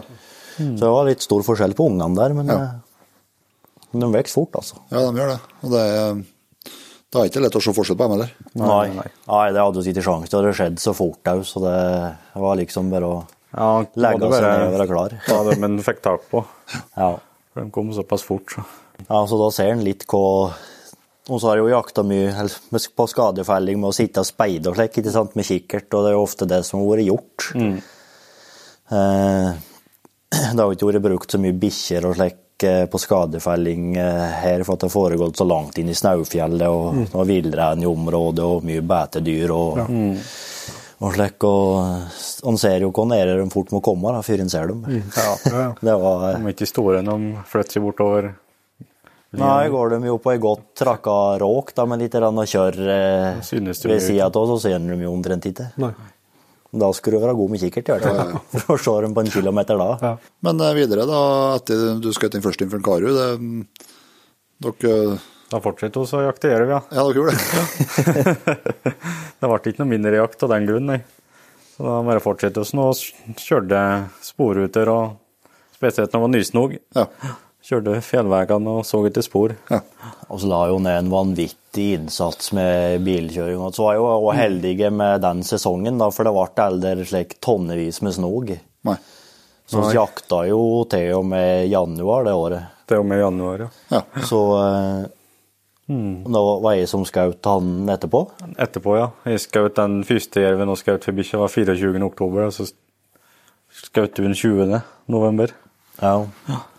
Da er jo fan hos jo Det er jo litt komisk, da. Vi har jo en del åter rundt omkring, og, og de slippene vi har på jerver som vi får bilde av på åter, eh, de har vi ikke lykkes med. Nei. Jo, en gang. Den eh, gausen skjøt. Ja, men det var jo spor inn i Ja, han hadde jo vært på åtte først, da. Ja, ja. Det var jo ganske langt unna. Ja. Men I hvert fall så har vi nå kjørt rundt der egentlig, liksom vi gjør med gaupejakta. Ja. Kjøre veier og finne spor, og så prøve å ringe inn dem. Da gåsmålet slik at en vet at en liksom er til et, til et område. Ja. Det kan jo være langt imellom veiene her. En men- stor ring, liksom. da. Ja, Ja. det blir en stor ring. Ja. Men så slipper vi noen bikkjer på det som siste utgangspunktet, liksom. Ja. Der vi har bikkjene, og så der vi har sporene. Og så drar noen bikkjer åt på sporene, og så forhåpentligvis blir det jo uttak til slutt, eller bikkja finner jerven. Den er flau ganske Og langt. Den eierskaut fløy en godt stubb, Mm. men han tok den ut ikke slik ikke så langt ifra der hun slefte på den som en Kenneth-skaut. Ja. Så det var ikke så langt ifra hverandre. Men, eh, men jeg tror at den stivna litt da den flaug over, eller svømte over elva. Ja, for du måtte krysse ei stor elv. Krysse en nokså stor elv, og der stoppa bikkja. Ja. Så det ble, som, det ble vel fort en og en halv time, time tenker jeg. Før vi fikk på at bikkja på andre sida. Og da gikk nok bikkja en kilometer halvanna før hun tok igjen jerven. Mm. Men da var det ikke mange meterne det gikk, altså før det var satt opp i treet og var los. Mm. Og da var det jo litt det samme å tilbød en, eh, Asgeir egentlig å gå inn på, inn på losen. For Han var nedegard. Ja. Men eh, så var vi som gira på at jeg skulle gå inn på, da. Så da fant jeg ut ja, jeg var ikke- skyte for bikkje før du er. Jeg hadde ikke skutt for bikkje før jeg heller, så, eh, men jeg hadde jo skutt en jerv. Men da var han ikke så vond å be. Sånn, han gikk noe hardt bilen innover Skottveien der da. Og så var hun, eh, var hun Tonje med innpå. Ja. Så vi gikk båttur tur innpå. Men Den satt med som bare en ja, meter over bakken til, eh, til gråna. Ja. Og liksom, hørte den skrapa med kløen på, eh, på stammen på gråntrea når vi gikk innpå. Ja. Det var, det var utrolig spesielt å, å høre. Ja. Da vet du liksom at det er i hvert fall jerv som sitter. og det var litt spesielt å høre før en så den. Og så kom, kom innpå, da, så fikk skutt i den på 50 meter. Ja. Ja, det var ja, det var utrolig rått. Da var det var likt igjen, da, eller? Når leder, leder vel menn, da? Ja. Hvem? Du? Vet jeg. Vil lede vel med en, da, kanskje. For da har jeg tre og du to. Ja. Så skal vi ut, utjevnes litt senere. Så fortsetter vi nå å kjøre fjellveier videre gjennom no- nei, november, da. Og vi prøver et par jerver til uten at vi lykkes. Og så prøvde vi Da var vi på Nordfron. Da slepte vi først på en jerv, men den hadde nå gått over Snaufjellet, og der var det så vind, så gikk ikke den å følge sporene til slutt. Nei, og lufta ikke noe sted. Det sånn Karo ga seg til slutt. Jeg gikk jo på fela med truger. Ja. Men jeg måtte jo gi opp til slutt for den ble nå bort. Da kom en Karo ned til bilen, så da, for oss hadde jeg ferd til en annen sted, ikke så veldig langt unna, som ikke var sommerjerven, som vi var, det var vi helt sikre på. Ja. Og den begynte jo å bli langt på dag, og så tenkte jeg at jeg får prøve å gå på, men så blir med en stykke oppover, og så tar den nå til slutt. Ja. Og den flyr ikke fryktelig mange kilometer før fyrer blir uttak, og den flyr ikke mer enn 300-400 meter før den treet. Så da var det en ny, tre som satt, en ny jerv som satt i treet. da. Så da posterte oss, oss gikk oss innpå flere på forskjellige kanter, for det begynte å bli skumt. Ja. Vi visste jo ikke om han satt i treet eller om han satt på bakken. Nei. Så hadde vi med som flere sjanser, da, de som var rundt òg, hvis den strøk ut. Men den satt jo høyt ute Ja, den satt jo i toppen på gråna. toppen på gråntreet, den. Det var skikkelig buskegråna. Altså, det var ikke så fryktelig lett å få øyet inn oppi der. Nei, det begynte å bli helvskumt, men plutselig så fikk jeg se en svart skygge som satt oppi der. Ja. Da var det bare å kaste opp børsa og glemme på. Du snakka om det med, med åtene, er at det er bare er tilfeldigheter? Liksom, er dere med at du får, at du får lite bilder? Eller eh, altså, det som ikke bare har funka når dere har hatt bilder? Sånn tilfeldigvis, liksom? Nei, det er et godt spørsmål. Sikkert bare Det- tilfeldig, stort sett. Det er noen fryktelig mange jerver som er skutt på at de får bilde av en båt i åtte og slipper på der. Ja. Men eh, Det, det er klart at det er fordelen når du har et ferskt spor, da, det er potensielt erfaring, du vet jo ikke hva som skjer lenger bortover sporet, men det er jo at eh, du har ett spor å forholde deg til. På et åte, hvis jerven har vært her i To- To-tre timer, ja. to-tre timer, ja, så det er- kommer du har fem du med timer som etterpå, et spor som går ut. Ja, det er jo i hvert fall skjer det når du går opp til et sånt åte, så du, i hvert fall jeg har opplevd det en gang jeg har opplevd sånn, og det er bra sporsnø, så du krysser jo gjerne jervsporet fire-fem ganger Ja. til, du er opp, til er oppe på åtet. Og så Ja. da vet du jo ikke eh, Når og hunden setter ned nesen på hver plass, så vet du liksom ikke eh, hva det egentlig skal hva det skal Nei, gjøre, liksom. Nei. Her blir utrolig mye spor på hele kåta, Altså. Ja. Vi har, har tatt opp jerv altså, som har vært på, på åte. Så vi har funnet jerven som har vært på åte, men vi har ikke lykkes å fått felt, felt noen. Så hadde jo en jerv som ikke ville opp til tre. Ja. Slet jo ut den ene bikkja etter den andre til Staberga. Mm. var en Doffen, det. Det var Doffen. Han endte sine dager i Østerdalen, da. Til slutt. Ja. Men tål- han eh, hun fikk, hun fikk aldri sagt Doffen og daua over radioen. Så det var, det var en plan om det. Det var en plan om det. Plan, ja. Så Da var det likt, da, når jeg skjøt den tispa, for det var ei tispe. Da ligger vi likt på antall felte jerver. Da kunne du ikke gi deg der, vet du. Nei, kunne ikke gi oss der. Så jeg har òg bygd meg en jervbås for eh, ja, det er sikkert ti år siden snart. Som jeg, for da meg vi som prøver å fange den i bås, da. Ja. Men eh, det gikk jo seks år før jeg fanga jerv i bås.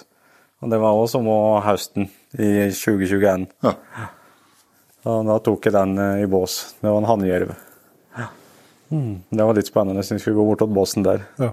Spennende å åpne lokket der. Ja, det var det. Det er litt så rart, det, for at det er ganske ofte at synes jeg med jakt og sånn, når du snakker med jegere sammen, det er rovviltjakt eller hva det er for noe. Så den her som dere snakker om, altså holdt på i, i fem-seks år og plagdes og prøvd og bantes. Så blir det litt sånn ketsjup-effekten ja, når det først lyktes, liksom, så bare pang, og så Ja. døde jerva i øst og vest.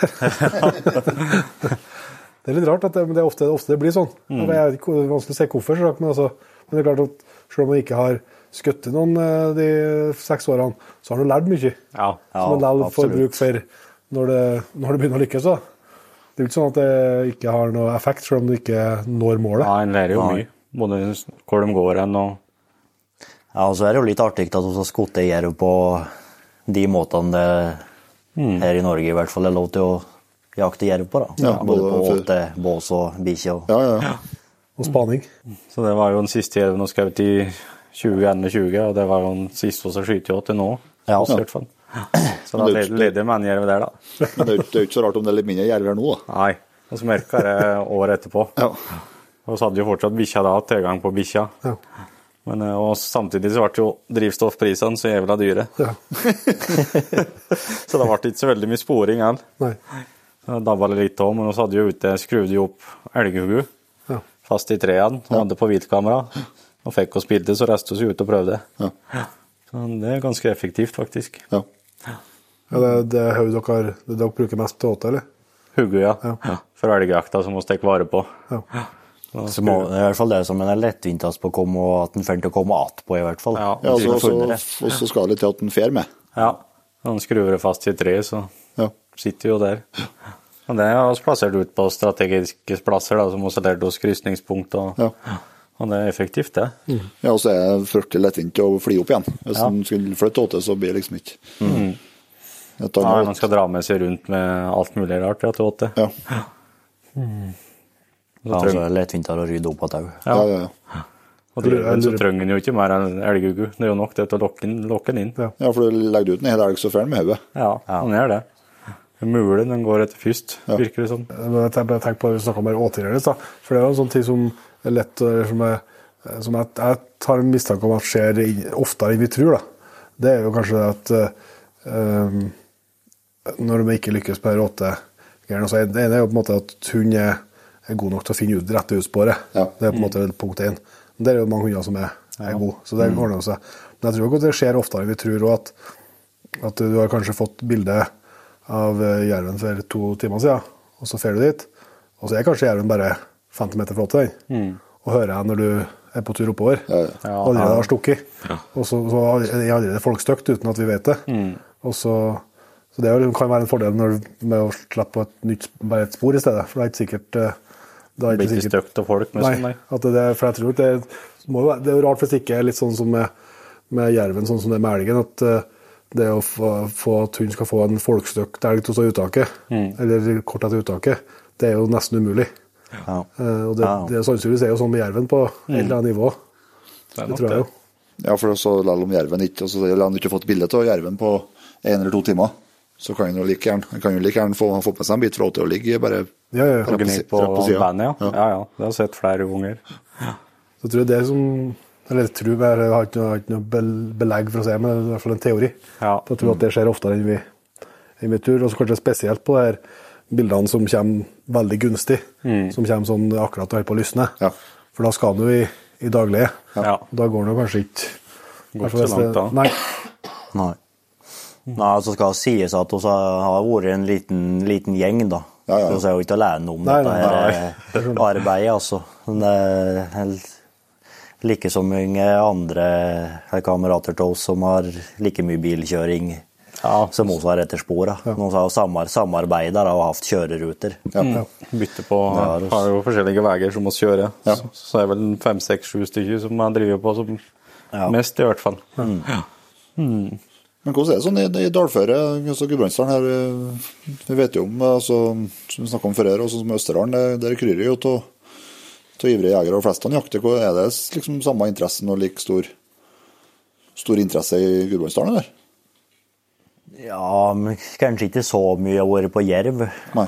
Men det, det har jo vært jerv liksom hele tida, men det har ikke vært noen mengder, kanskje, Nei. å prate om. Men uh, jo så er det dette med bikkjejakta er jo nokså ferskt her. Det har liksom vært en bås her og en bås der. Uh, Ja. Ja, de har jo drevet i noen i bås, for det begynner å bli mange år siden. Ja. Ja, lenge siden den siste ble i bås her, ja. Ja. Mm. Bikkjejakta er fersk. Bikkjejakta er er nok helt ferskt her, ja. Ja. På jerv. Så er det jo å sitte på åter, da, men det er jo en prøvelse for Du skal ha litt, du skal ha litt tålmod. tålmod skal ha tålmod da, altså. Og om du får bilde Det er jo ofte sagt at får du bilde om kvelden liksom, eller om natta, så kommer natt-natta etterpå. Men det, det er ikke fett, for å si det slik. Det er på den åtte år så har jeg aldri opplevd at det har kommet i gjærbildet to dager på rad. Nei. Det har aldri skjedd. Så det, jeg har hørt det òg, men Ja. det har aldri skjedd på Det er ikke 75% sjanse med, som de har sagt første natta da, etterpå. Ja. Og så 50, og så går det gradvis nedover. Men Jeg tror, jeg tror det var I hvert fall opplevd det sånn på de båtene som jeg kjenner til, og både har hatt kamera på sjøl, og, og dere vet om kameraene, så jeg si, så det virker som det er veldig stor forskjell fra åte til åte. Sannsynligvis noe med plasseringa av åte i utgangspunktet. At det er noen som, som er mer Ja, som det eksempelet som dere brukte på dem de skjøt på skadefellinga her, da. Sant? Og så hadde hatt et åte der, i en plass der de har Trekk, ja. ja, trekket og har, dag, har et dagleie, Ja. så kan det sikkert, er sikkert større sjanse for å oppleve det. Ja.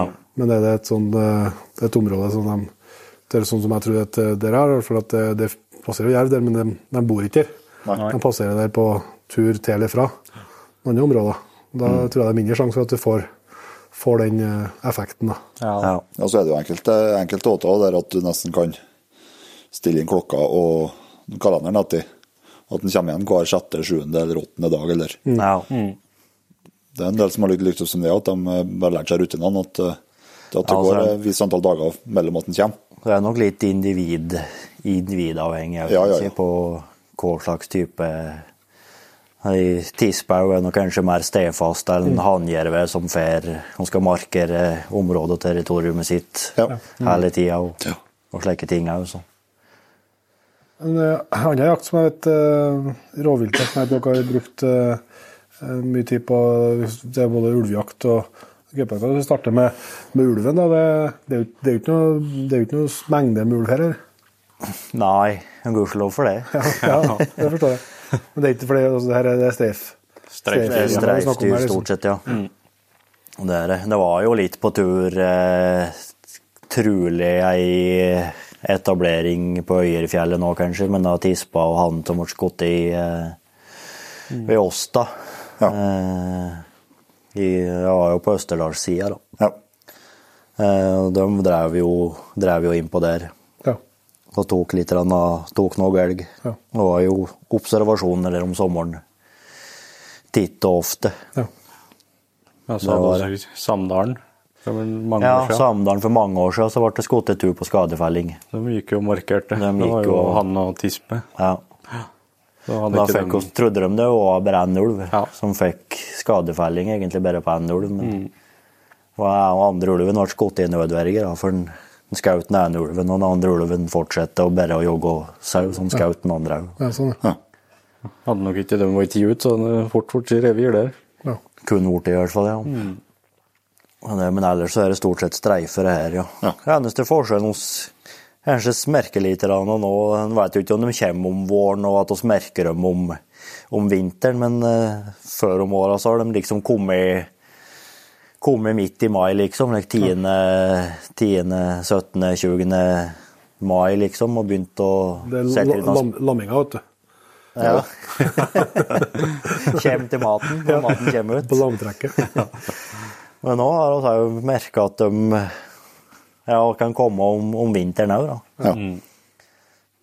Komme og trekke den. Hva Om de har bare at de har utstøtt fra noen revir som har, er langt unna, eller Det er jo stort sett svensk ulv som har blitt skutt oppi her, da. Ja. Nå så har jo nesten skutt én ulv hvert år, om ikke to, siden 2009-10, eller? Mm. Det har sittet gjemt, ja. Men Dere har vært med en del og jakta i, Øst, i Østerdalen, og det, det er jo bare en kort kjøretur over fjellet her det til, Ja. til Østerdalen. Vi gjør en liten dugnad der om vinteren, da. Ja. Og eh, det blir lagt ned mye innsats der. Eh, Det er vært såpass heldige begge to at vi har fått være med og blitt godt kjent med mange ivrige og Folk kan der, ja. kunnskapsrike folk eh, nedi der, som oss òg kan dra med oss kunnskap på folk som bor her. da. Ja. Det er jo litt slik at en bør jo ikke funnet opp kruttet to ganger når du først har funnet opp en. Sånn, eh, så så kom jeg litt i kontakt med folk der. Det har vært, det har vært mye biltrafikk over Vennabygdsfjellet Mye tidlig, bilkjøring. tidlig om morgenen når det har vært noen spor i Østerdalen. Ja. Ja, rett om natta, det. Rest om kvelden. kvelden sove i før det, for å ha vært med og flagga Flagge og inn, og- spora og ringa. Og, Ja. så det er vel ingen av oss som har skutt i ulven, da, men Jeg har skutt på en. ja. Jeg har vært i nærheten av turer, jeg òg, men Men det er ikke noe blod i, i bakken ennå. Men det- Du er ofte med å gå, går på sporet, eller? Ja, jeg har ofte vært med og gått på sporet, da. Ja. En av bak- en av bakdelene må være sprek, det. Ja. Ja. Ja, jeg var med de der første gangen, og da gikk oss i lag med han som kaller, kaller navnet Ruffen. Ja. Vi kjenner til han, sjøl. Og da eh, Det var før, før jeg ble sprekk. Og da hadde du bestemt deg for at du skulle bli sprek? Ja, da hadde jeg bestemt meg for å bli sprek. Jeg har vært hengende litt etter der, altså. Det skal ærlig innrømmes der. Og eh, ikke hadde oss slik låsmål eller låstak til, men det har, det har kommet seg etterpå. ja. Så det Nei, det er utrolig hva en lærer, og jeg har mye Om ikke jeg har skutt dem sjøl, så har jeg, har en god del ulv nå på samvittigheten som har gått fra mot poster og slikt. Ja, ja. Ja, så er jo all lagsjakt er jo nettopp det, lagsjakt. Ja, ja. kanskje- ja. kanskje- For meg kvitter hvem som skyter den ulven, og det tror jeg må være litt, være litt eh, mantra i, i ulvejakta. at mm. det kvitter hvem som eh, skyter den ulven, så Ja. lenge, lenge jobben blir gjort, ja. og alle gjør en innsats, liksom. Ja, ja. ja, og det er jo jobben før og, før og underveis som er, som er viktig. Absolutt. Og det å få flagga inn disse ulvene det, i de områdene det går an, Ja. det er jo kjempebonus. Og det er jo et vanvittig Det har jo utvikla seg en del på denne flagglinefronten nå, da. Fra kabeltromler, fra ryggsekker på Forsvaret og til, til store, store tromler som er disse der Bilhengere, ja. hengerne eller, eller bilene som blir kjørt ut. Ja. Det, vi Flatere var ikke Jeg husker ikke hvor stor den ringen var, men den var vel kanskje ja, kanskje den var et par mil rundt, da. Knapt nok det. Ja, det var vei ganske mye. Det var vei rundt, ja. Det var farken ikke lange tida det gikk, altså før den var innringa til, til flagg. Og Det, det går jo mye på at det er 20-25-30 menn og som går på liksom alle kanter, og en bare durer på å kjøre ut, og så går folk og hekter opp. Da blir det jo Da går det fort, da blir det jo stutt tid på alle ikke sant? For da er det ikke fem stykker som må gå Nei, nei, nei. noen mil ikke sant, på å henge opp. Da, da er det liksom på et knips, så er det oppe. Og samme er det når skal ta det ned igjen òg, at postene tar av at flagga og, og legger i veien, så det blir lettvint å komme med bilen og sveive vind At det er det jo gjort med en gang. Ja. Jeg tror det er et veldig godt poeng der du snakka om altså Dere har jo hatt eh, tross alt ganske mye skadefelling og sånn jakt eh, her òg, men, men det er altså eh, Vi har jo snakka om jegerpoden før òg, men altså spesielt her, det som er ekstra artig med, med rovdyrjakta, det er jo at mye av Der var det jo mye kompetanse og kunnskap lenger tilbake. Og så ble den jo litt bort, sant, med at rovdyrene i stor grad borte. Og så har det jo mye av den kompetansen vi har i dag, er jo bygd av dagens jegergenerasjon i løpet av de siste 20 årene. Eh, og det er jo sånn når det da kommer ja, noen kanskje får sin første skadefelling på ulv, eller hva det skal være, sånn altså at du, det er å ta til seg den kunnskapen som man har bygd der man har holdt på med det i mange år, det gjør det jo Du kommer mye fortere til målet. Ja, og være, skal- være ydmyk nok til å, til, å, til å spørre om hjelp og få Ja. hjelp. Ja.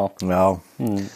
ja og så må han eh, oss ble jo kjent med dem via en, via en kamerat, Ja. som også ble invitert der på den første uttaket og det var vel første lisensfellinga som ble i Norge, på Osdalsflokken. Koppangflokken ble jo tatt ut, da. Men Ja. det var jo ikke før hun var født, men det var noe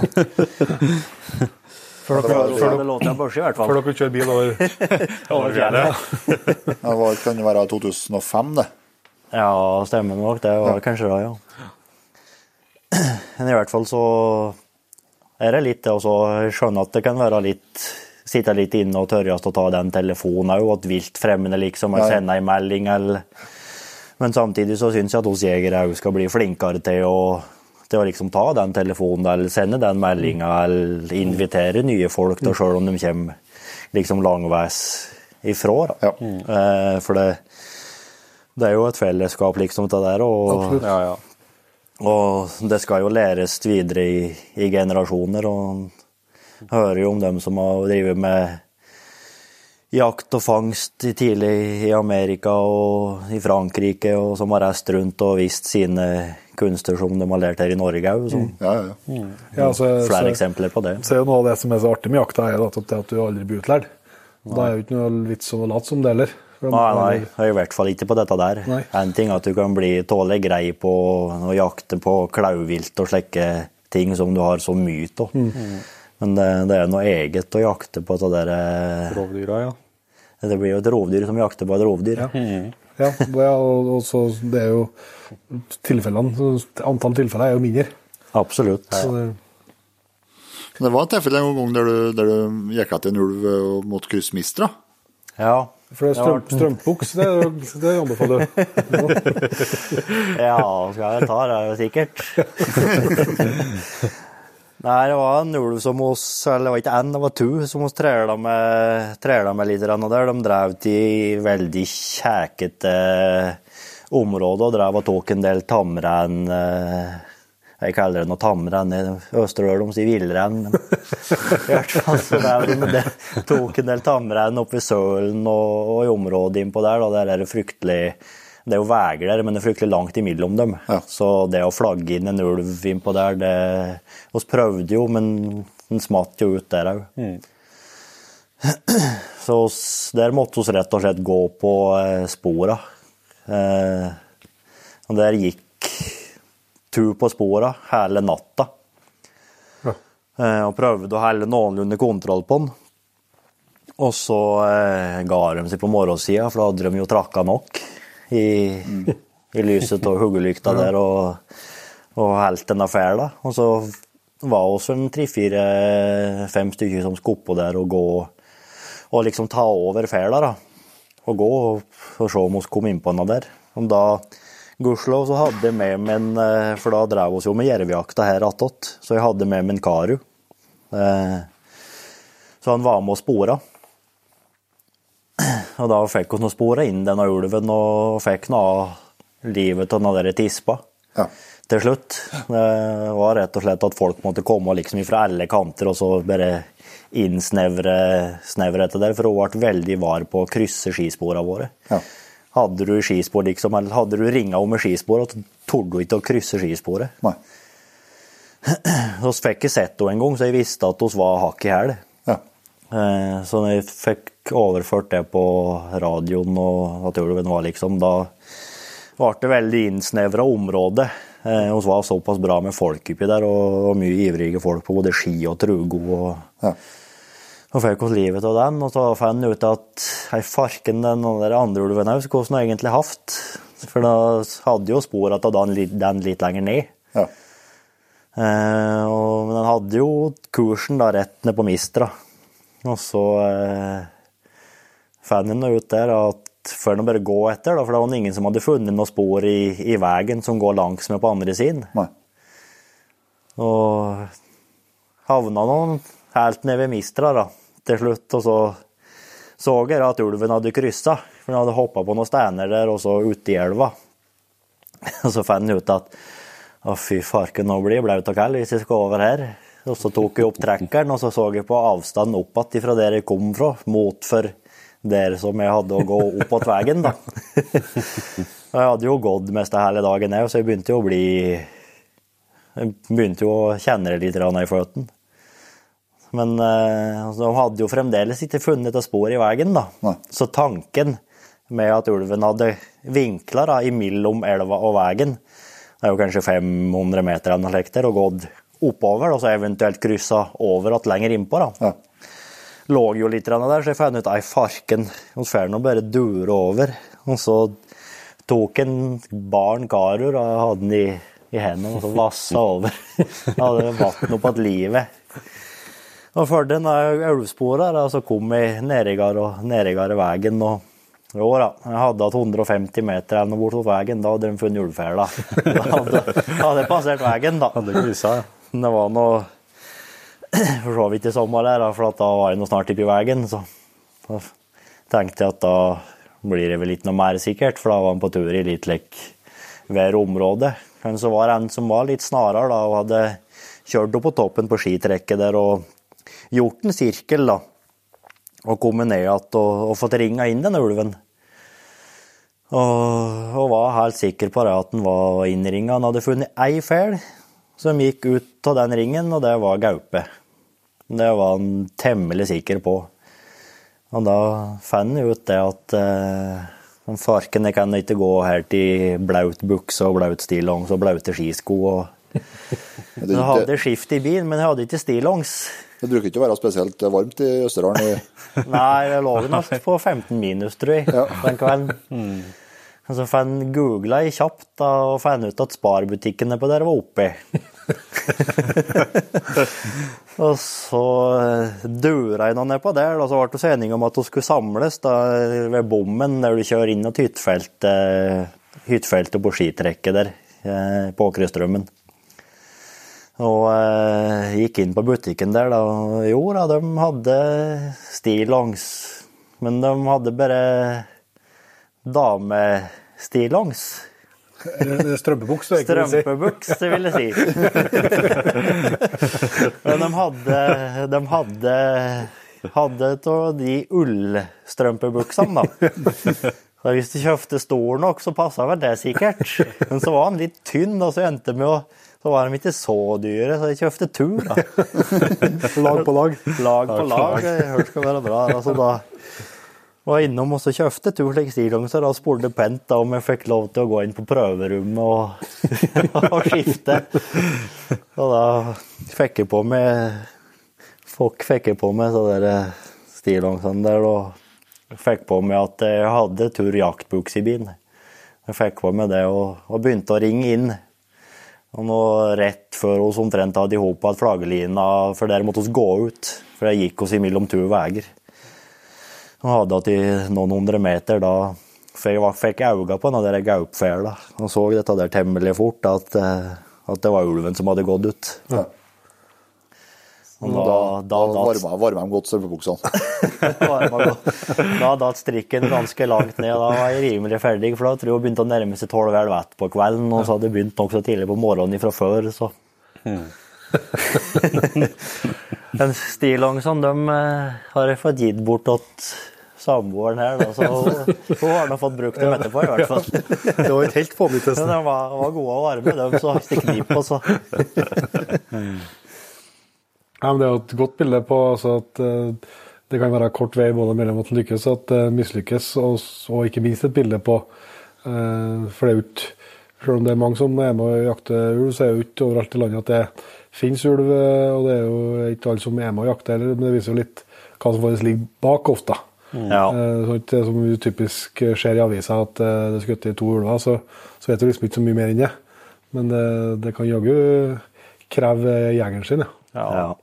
ja, og så er det mye lettere å komme inn litt i miljøet og slik òg, hvis du er litt på, på og det å gjøre en innsats og, og, eh, og det å være med og ha opp flagg og, og slike ting. Og mye av grunnen til at oss ble kjent med disse folkene, var jo at vi ble ivrige med å ha opp flagglinje på NO som ble skadeskutt av Osdalsflokken. Ja. Det var første gangen oss var inni der og kom nå litt i kontakt med Halvor og blant annet, og sa at nå går oss på, så flagger oss inn under der, så får oss ta den det første vi ser i morgen. Eh, Så var med og gjorde det. Eh, Flere av oss ifra her, for det var flere av oss som var med da. Ja, og legde oss i hytter da, Og legde det i hytte, ja. Nede på, ved sjøen der. Storsjøen. Var nå en gjeng på åtte-ti. Ja. Var over i flere da. Ja. Og, og bare det, og ikke sant, at vi lykkes med å få flagga inn den i hop med noen av østerdølene, da, og, og fikk den ulven nokså tidlig på morgenen. da. Og da er en litt frampå og viser litt interesse og, og slike ting, og bidrag og slik, så er det litt lettere å komme inn òg. Den uh, gaupejakta, Kenneth, det er da dere bruker mye tid på når den tida av året er? Ja, vi bruker egentlig mye tid på gaupejakt egentlig fra snogen legger seg. Ja. Vi har litt Følg- kontroll. Får følge med en stort sett gjennom hele vinteren, Ja. fram til gaupejakta i hvert fall.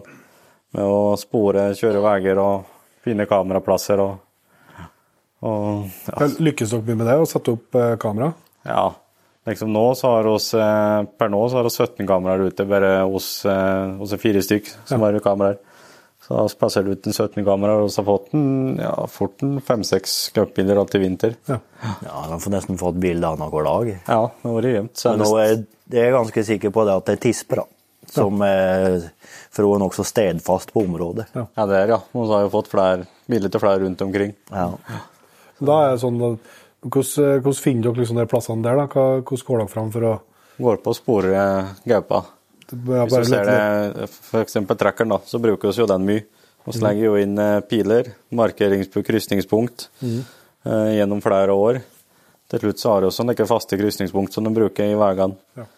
Og flere av kameraene står jo i- innunder berg og oppå berg. Ja.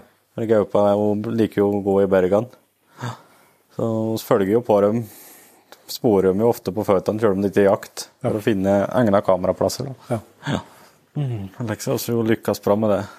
Det, er ikke noe, det er jo ikke noe quick fix, men det funker over tid. Ja, funker over tid, ja. Det, er- det er ikke det at det bare ser du gap-spor der, så det er ikke sikkert du får bilde av det neste gang. Nei. Så, altså lagt opp ganske mye tid over flere år ja, på sporet. Du kan jo si litt om jeg kan oss lært til å jakte gaupe òg. Så kommer vi jo det. Jeg hadde jo besøk fra noen fra andre siden av dalen der. Det var jo Østerdalene som lærte oss litt om dette gaupejakta først òg. Ja. Med hund og, bikkjer, ja. hund og spore og ringe. Ja, det var jo ikke mye det var brukt, brukt bikkjer før de kom. Da var det vel gått mest på sporene ja. for gaupa.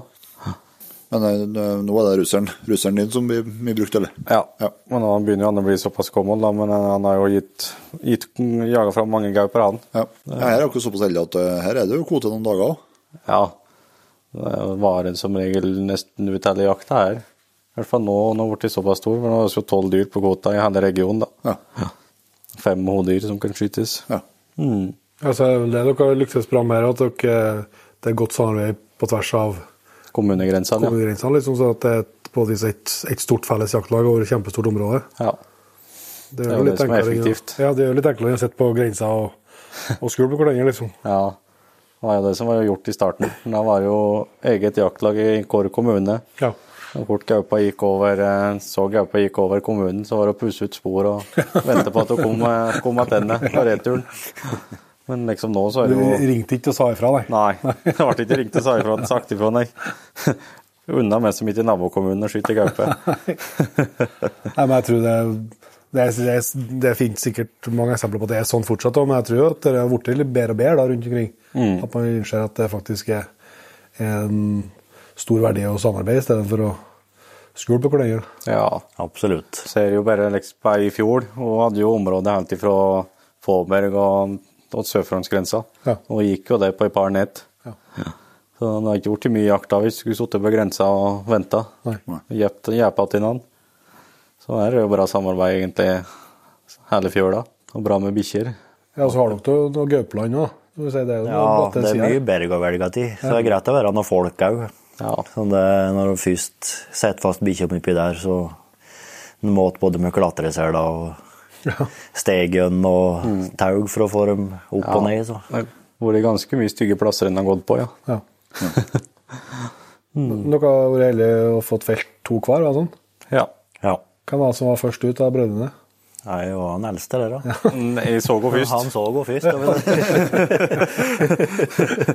hadde også hadde oss ring på i en liten dal inni Brekkom her.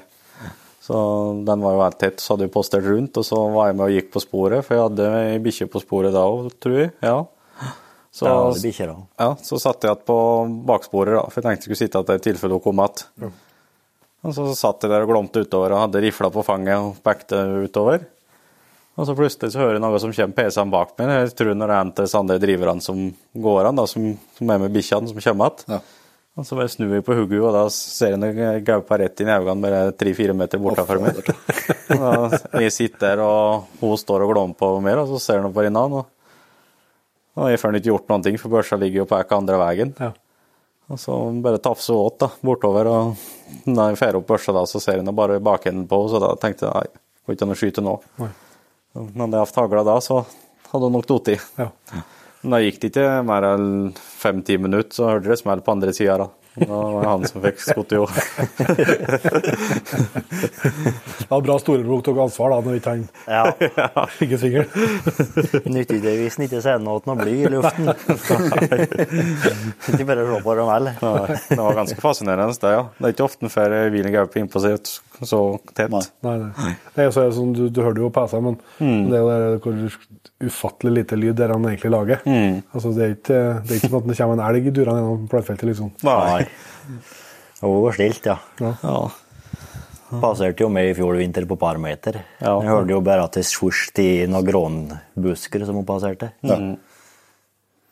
Men den skal ha det at det var han som gjorde at jeg skjøt første gang på meg.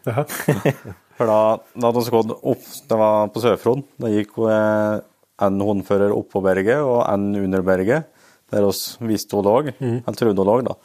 Hun sa det spor som gikk opp imot det fra Nye Frydalsvegen. Men det var, ble var så dårlig vær, så det ble seg at det gikk i hvert fall ikke andre følgere i skogen. Så eh, da ble det så ga opp til slutt, og ikke fant noe spor. Så fant han ut at han skulle trakke oppi der, for så skjønte han at hun måtte ligge oppi der. Ja. Han satte oss på post der, og han begynte han oppi der og fant han og att gaupsporene oppi der.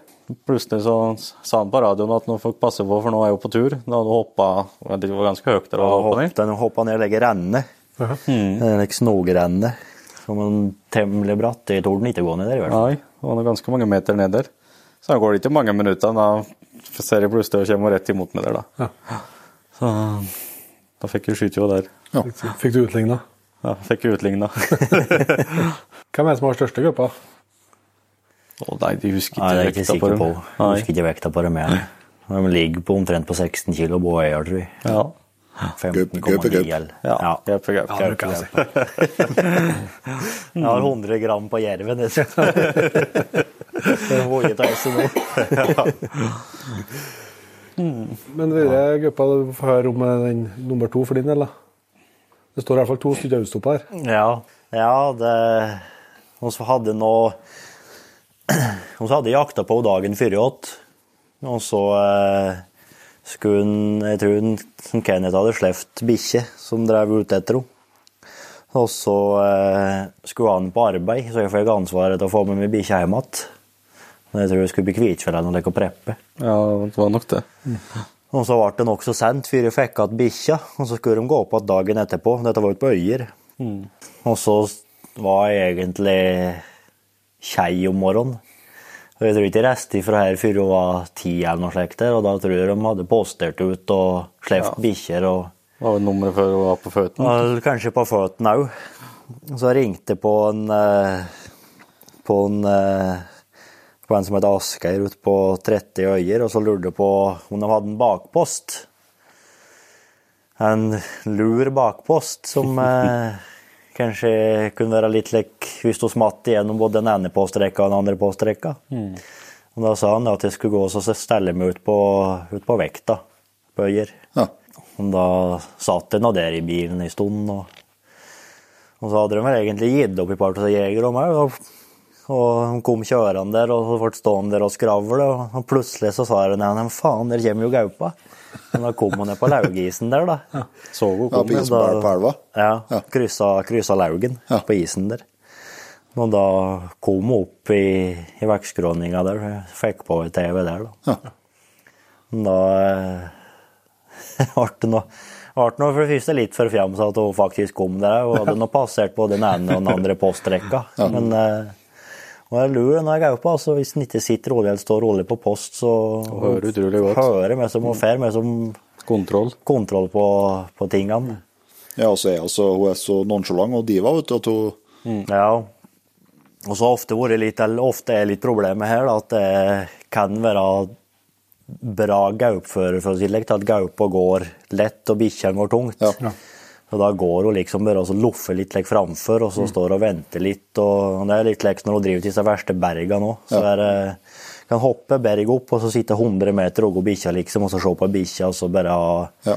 full kontroll, og så hører de at det kommer noen folk, og så tasser hun liksom åt, og så slipper hun på bikkja, og så har hun liksom gått 400 meter til neste berg, og så gjør hun liksom det samme. Ja.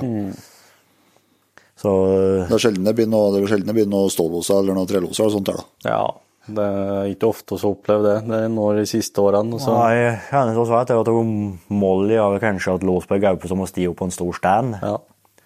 og så har du skutt ei som har kroppet inn. ja, den neste gaupa jeg skjøt, ja. Ja. Ellers har vi ikke hatt noe trelås her, nei. Nei. Det er så stutt mellom berga her, så det Vi rekker ikke. Elvedalene. Ja. Altså, det er som krøp inn. Hæ? Skjøt ei som krøp inn, altså. Skaut ei som krøp inn til slutt, ja. For det, da var det jo gaupejakt, så hadde hadde jo ferske spor om morgenen. ja. Men det ble så jævla mildt om dagen. Det var jo mange plussgrader. Så skulle jeg og en kompis gå på med bikkjer og slippe på.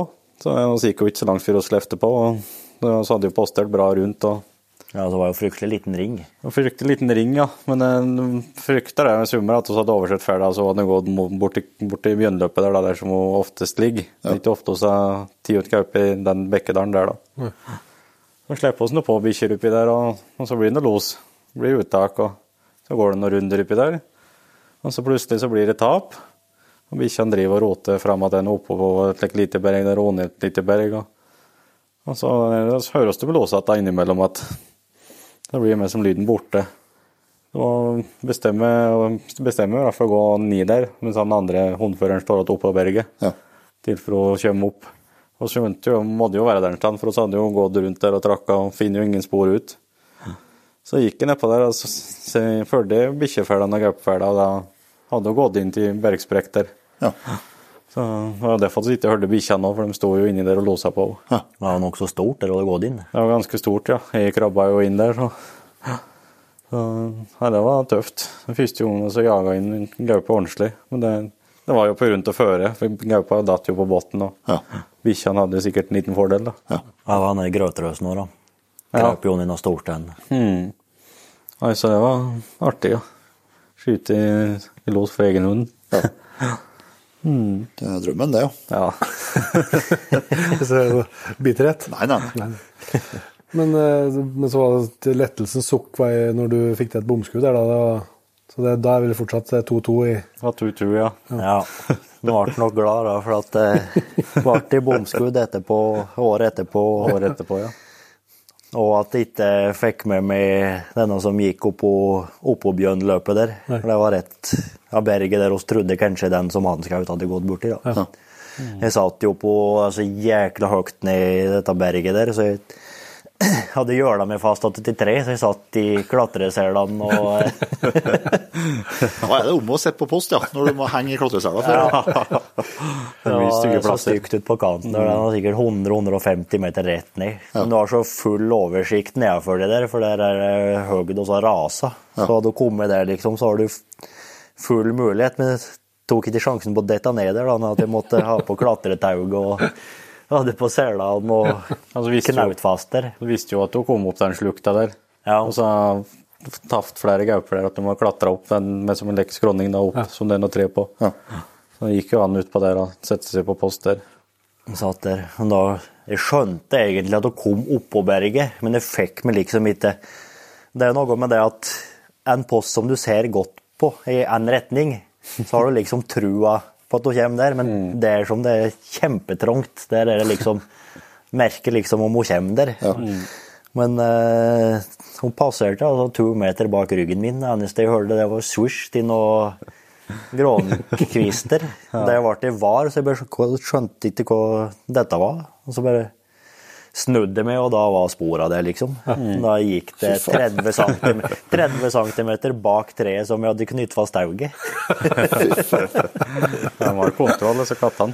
Så det, jeg visste meg som måtte komme der, da, men jeg trodde ikke at de kom så nede. da. Du hadde jo snudd deg akkurat når du kom, så hadde du kanskje fått bruk for den klatreselen nå. For det, Ja, akkurat det. Fått rekkehylen og havnet utfor kanten. Ja, jeg hadde knytt på knuter da, på, på den taubremsen jeg hadde, så jeg hadde ikke datt utom. Jeg hadde stoppa ut på kanten, men ja. det er litt sånn Navy Seal-opplegg. Ja, ja. Opplagt. Jeg skjønner at det er bare småtteri. Det Ja, ja, ja. er små flere berga noe på tås, ja. ja, ja. ja, det er jævlig berga der, da. Det er, Ja, så er det, det er jo, det er jo styggfarlig, sant? Med Ja, ja. i hvert fall eh, litt uti, og, og sånn som vintrene er blitt nå med Plutselig blir det regn, og så er jo skogen er jo, så bratte skogen er jo full til is. Ja. Ja, så jævla stygg av kjøvinga oppe på bergene. Mm. Ja. Hun går jo med Eller jeg har begynt å gå med, med brodder under. Ja. Ja, For henne har du hatt med isøksa, har du? Ja, gått på jervejakt med både isøks og Det er en del, Det er er en del ting som ikke er liksom i den starten når du ser liksom jakt, når det, jaktbutikkene sender ut sånn startpakke til jegere. Det er ikke- ikke så ofte du ser stegejern og isøks. så- Nei, jeg sende, la ut det bildet på, eh, på Instagram eh, at det gikk med steggjønn og isøks på jervejakt, og da, da skjønte jeg en, en eh, klatrer som vi kjenner, eh, egentlig dansk. Eh, Han har nå sitt syn på jakt, men han skjønte litt alvoret når han så utstyret som hun drev og brukte etter disse der dyra. Men eh, jakt som ikke har vunnet å snakke så mye om, så har dere bruker mye tid på, på høsten. Du har jo tre elghunder. Men du, den, du jakter med mye elg med, med, med bannhund?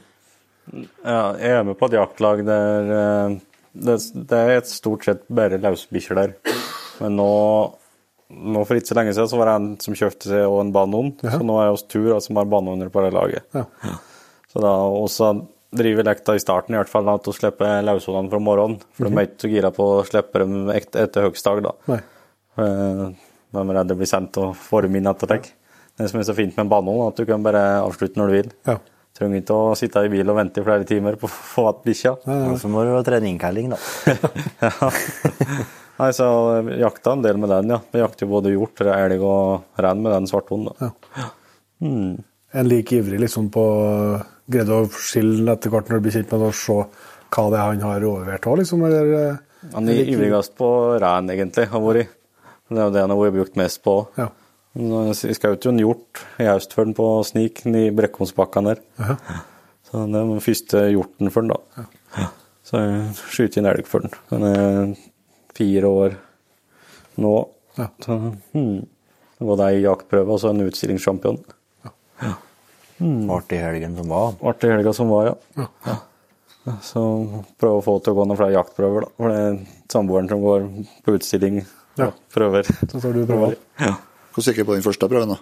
Eh, Førstepremie. Ja. Og 93 poeng, tror jeg. 93 poeng, ja. Det er jo, da går det bra. Ja, det går bra, da. Mangler en todagers og en endagers, da, så. Mm. Du, du, hadde en, du har jo flere fine okser hengende på gevir hengende på veggen der, eh, Espen. eh, Men det er en litt spesiell en der eh, som du skutt i på, på, på lokkjakt. Ja. Skulle egentlig bruke løshund den dagen òg, men jeg har sluppet noe hund den dagen, og den tok jo ut elg etter, etter noen hundre meter, og, men det forsvant jo sjølsagt inn på naboterrenget. Men dette er jo Sluppet jo liksom i grenseland på, på Snaufjell og, og skogsterreng, da, i bjørkebeltet. Eh, Det var jo litt tida for at elgen, i hvert fall her i området, trekte opp og, og sto litt høyt.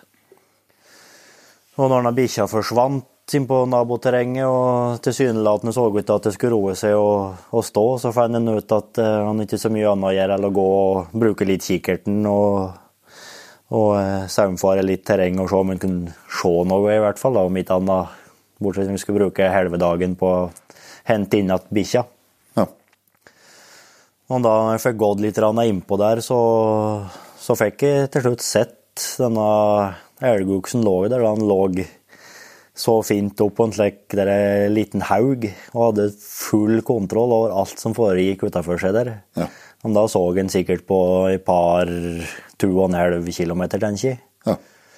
Eh, pappa hadde gått opp fra andre, andre sida, så hun skulle nå møtes innpå der, og fikk naturligvis tak til han på radioen òg og sa at jeg så så en elgokse oppi fjellsiden der, da, så jeg fikk varsla om at han skulle gå pent innover, og så at den lå der og der og der, men han, han trela litt med å finne den, da. Eh, så vi brukte nå trekkeren, så fikk noen varsler innan om, om hva vi var og, og slike ting. og da fikk jeg snike meg innpå, da, så jeg kom på Jeg målte med, med avstandsmåleren til 16 at det var 1,2 km Ja. oppi der. Men jeg torde ikke å gå nediger pga. at den hadde så oversikt over nedenfor seg der og utenfor seg der. Så jeg, jeg lura meg bortåt i grånbusket der og fikk sett meg godt til rette og, og funnet faktisk ordna med skyte, skytestøtte òg, på noen kvister der og begynte å lokke. Og det tok nokså lang tid før det ble noen reaksjon oppi der. Eller i hvert fall så føltes det slik. Det tok nok sikkert en fem-seks minutter, så reiser de første, første elgene seg, og det var flere elger der. Jeg hadde med seg fem andre elger der. Det var både ku og kalv og kvige og flere ky. Og, men det var bare den som var han som var ukse, da. Ja. Det var det hun skulle ha òg, da. Men så begynner jeg å lokke litt, og og så kvigene og, og kyrne og slik begynner egentlig å trekke litt unna. Så jeg så egentlig litt mørkt på det i starten. Med at jeg har jo med som, jeg har aldri lokka inn en elg før, så det skulle jo liksom bli debuten. Ja. Og jeg har jo lokka litt på elgen på jordet og slik. Ja. Noen har sett ifra bil og Men, eh, men eh, til slutt så begynte han å vise litt interesse, og Så kom han durende ned lia plutselig på noe lokking. Og da gikk det nok en 300 meter nokså radikt Ja. før han eh, stoppa opp. Og så lya han liksom, og så lokka jeg et par turer til. Bare dro noen strofer, og så begynte han å filleriste eller grån som sto der. Like ei og en halv meter høy grånbuske. Og det ble omtrent tennpirker. Eh, I hvert fall så var det bare en ørliten hvit tapp som stakk opp ifra bakken der når han var ferdig med det der, i hvert fall. Eh, og så låka jeg litt til, og da kom han i lett trav nedover lia. Og eh, så ble han borte bak en liten åskant. Eh, og Det føltes jo ut som en evighet da noen satt der og venta på om han skulle komme fram, eller om han flaug oppover at hvor egentlig ble han. Plutselig så kom han jo rundt, rundt kanten, da, så kom han litt på skrå imot der. Men så skjønte jeg at eh, til nedriggeren kom nå, til, til dårligere vind ble det. Ja. Så eh, jeg skjønte at han begynte å få Han begynte litt lek med nossen og, og hugge, så han kom inn på 200 meter. Men jeg hadde jo skytestøtta og, og alt slikt der, så jeg fikk, fikk en der, da.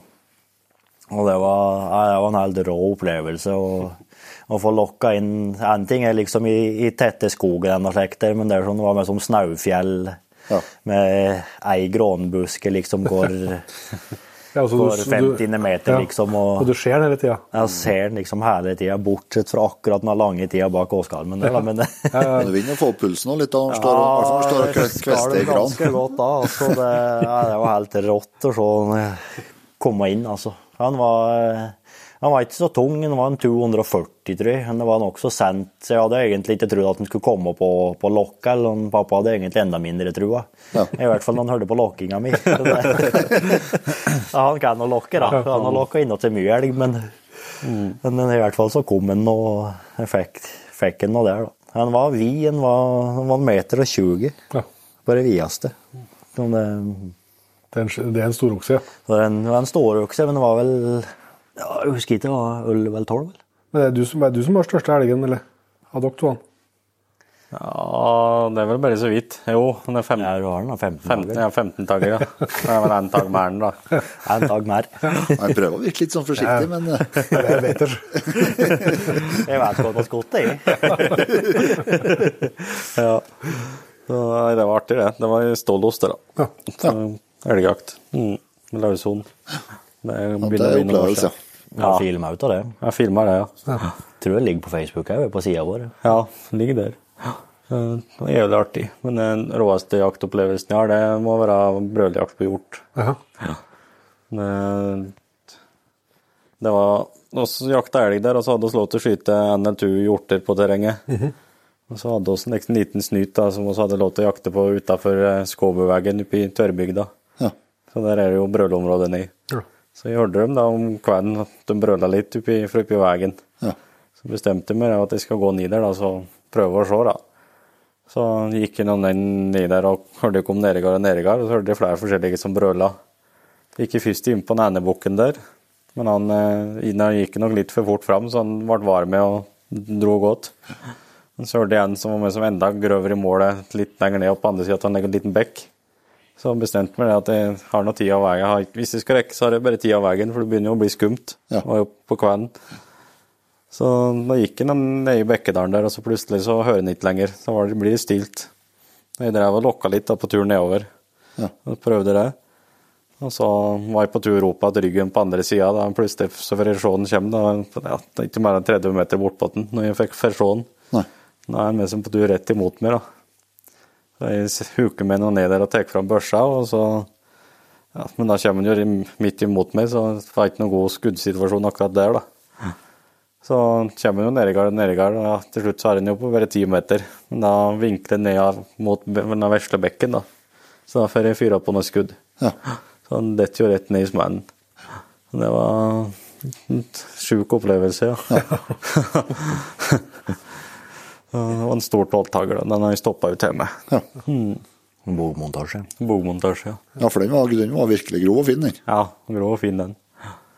Helt på en poeng under gull, da. Men Nei, men det, det, det mener jeg aldri, aldri skulle være lov. jeg. Nei. Et halvt poeng. helt Da, poeng, det. da syns jeg bestandig du skal legge på et halvt poeng.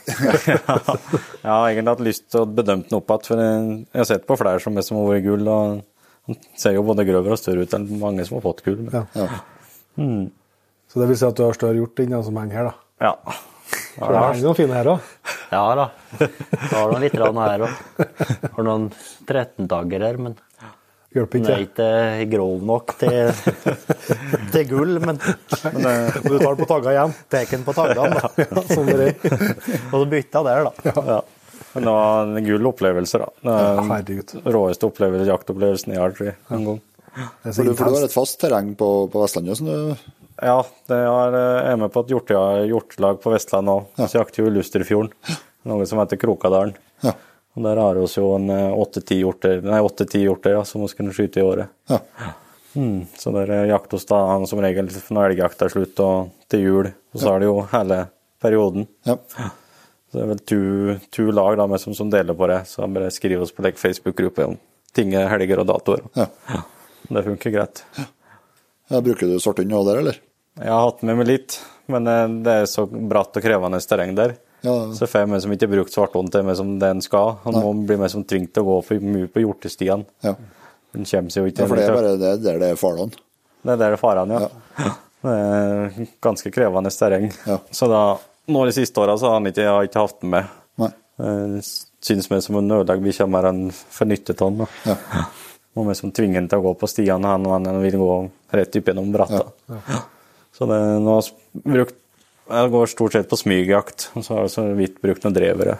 Ja. Elgbikkjer, men det er, men det er litt eh, ren lokalt. Nei, ren som er gjort lokalt der òg. Ja da. ja. Så jakter ofte når det starter. Så sitter oss jo litt på noen hjortstier og, og går på smygjakt, da. ja. Det gjør oss. Det er jo det som er skutt i mesteparten her, er jo smygjakt. Mm. Men meg, er det, er det litt sånn vekst i hjortstammen her, eller er det Ja, ja syns det. Det var bra, bra tidlig på 90-tallet her, sier de, da, de som jakta da. Ja, det var stort, stort på Det var baksida. mye på baksiden, da, på Kvitfjeller. Men det har kommet mye mer på solsiden. Og har jo gjort snart i alle bekker og daler som er. Ja. Mm. han er veldig på frammarsj, denne hjorten. Men det går ganske bra med elgen, for at jeg forstår når vi snakker om det, at det, det er liksom det, det er bra med elg fortsatt. Ja, det er mye elger. Absolutt.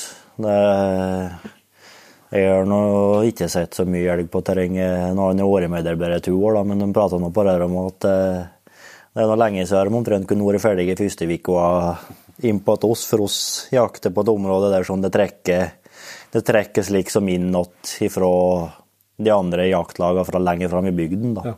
På å begynne å bete på litt vinterbeite og, og litt like senere ut i jakten. Men oss, oss så jo mye elg hele tida, hver dag. Jeg tror jo ikke knefte ikke tobbene av ei bikkje en dag uten å komme for elg, tror jeg. Nei.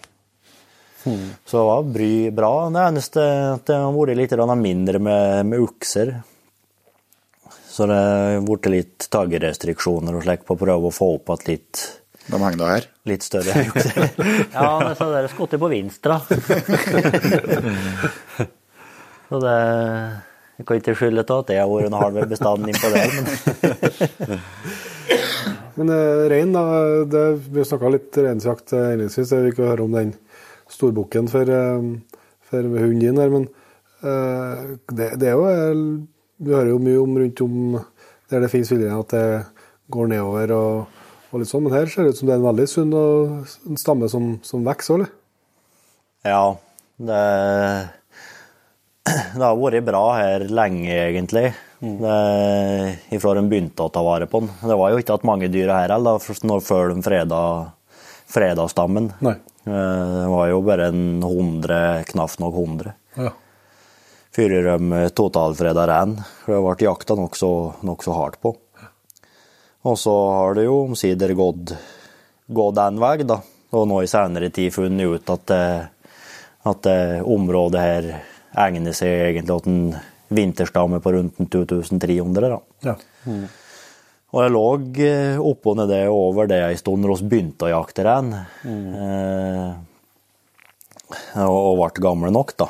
Så vi begynte jo å jakte rein fra fra vi var 16. Da skulle vi være med på opplæringsjakt. Jeg skjøt jo første reinen min på når jeg var 16, som eh, da jeg var på opplæringsjakt med, med onkelen min. da. Eh, men ei tid så ja, om det er tellingene som har vært litt feil, eller eh, i forhold til nå. Nå har det jo blitt mye mer eh, eksakt og mye mer verktøy å hjelpe seg mot. da, Både med droner og skikkelige, fine bilder og, og enklere å telle. Men i hvert fall så ble det borte en del reiner, eh, i hvert fall 300 dyr, som plutselig forsvant. Og ikke dukka de opp til noen nabokommuner, eller økte til noen nabokommuner, eller, så det ble litt restriksjoner her noen år, og litt mindre kort. ja. Eh, Gudskjelov så hadde han såpass flaks at han fikk kort lell, da. De, de årene òg. Ja, og så har vi hatt rensjakt hvert år. Kort år. Ja. Altså, som innbyggsboende så er det bra sjanse for å Ja. få kort, da. Det, det er det. Absolutt. Og om du havner på reservelista òg, så går du stort sett gjennom reservelista i løpet av jakta. Ja. Det gjør det. Men i hvert fall i år igjen, da, så var egentlig det målet som tenkt, da, nådd. På, det var rundt en 2358 eller noe slikt, tror jeg. 78 eller ja. Rett Som over var mål, liksom. vinter rett over, som var vinterbestand. Så da, da ble det jo òg gitt ut en del mer kort, da, og ekstra kort. Og så er de eh, egentlig såpass kjekt på Ringbu at hvis det er folk som ikke får stunde til å jakte, da kan du si, sier at du får jakta kun første uka eller første 14 dagene, og så får du ikke jakta mer. Men hvis du leverer da kortet inn igjen til Ringebu fjellstyre, så får du refundert da, eh, en del av kortet. Ja. Altså du blir trukket for de dagene du har hatt kortet, og så blir du, får du refundert de kortene som er igjen. Ja. Dagene som er igjen, ja. Dagene som er igjen på kortet. Og da kan fjellstyret da selge det Eller nå da, så har de lagt det ut igjen på Inatur. Ja. Slik at noen andre jegere da kan kjøpe igjen det kortet. Ja. Det er jo en fin løsning. Eh, for de, de kronene. da. Fjellstyret har jo ikke lov til å selge det dyrere enn det, det som er, er vedtatt da, på, Nei, nei, til, til salgspris. Så du kan jo, kan jo risikere å få ei, ei rimelig bukk under 50-kort eller Ja. kalvkort eller ja. i, i midten av jakta. da. Fint for oss som er ivrige. Ja. Er For oss flere kort å jakte på. Ja, ja. Ja, og så blir det jo for å utnytte ressursen, liksom. Og, Ja. Ja, altså de, de har jo fellingsprosent mm. Ja, de har jo et mål om å nå en viss fellingsprosent. da. De selger jo stort sett 50% mer kort enn det som de har tenkt tid ut. da. ja. Men det er fryktelig sjelden Det er jo ikke mange årene det er jo bikka 50% avskytning på her. Jeg havner som regel på en 7-8-46 Ja. fellingsprosent. Så det, og det er jo liksom det som fjellstyr håper på, eller har som misjon òg, Ja, ja. kan du si. Så det Hva er årsakene til det? Er det at det er mm, tungjakta, så at det er mye langt å gå, eller? Nei, i utgangspunktet så er det ikke Det er ganske ikke lettjakta det. inni her. er lettjakta inni Det kan fort bli noen avstander men, å gå, men eh, Det var jo bilveier Ja, biler som går over, over ja. ja, og tvert igjennom terrenget og inn i terrenget flere steder. Ja. Så Men det, det er jo plusser og minuser med det. òg. Det er jo lett å bli litt folka, folkeansamling. Det er som det er lettest, i hvert fall. Ja. Så vi velger jo stort sett de verste plassene, eller lengste plassene å gå til. For der er en jo større sjanse for å være mer alene. Da. Ja. Har du lagt om liksom, taktikken og jakta noen ting etter du begynte å ha med bannhund på reinsjakta, mot hva når du ikke hadde liksom lett bare hund styre alt, da, eller går du den ruta du har tenkt uansett, og så til du får overveie? Nei, som på rensjakta her, da. Tidlig jeg kommer an på litt hvordan kort vi har.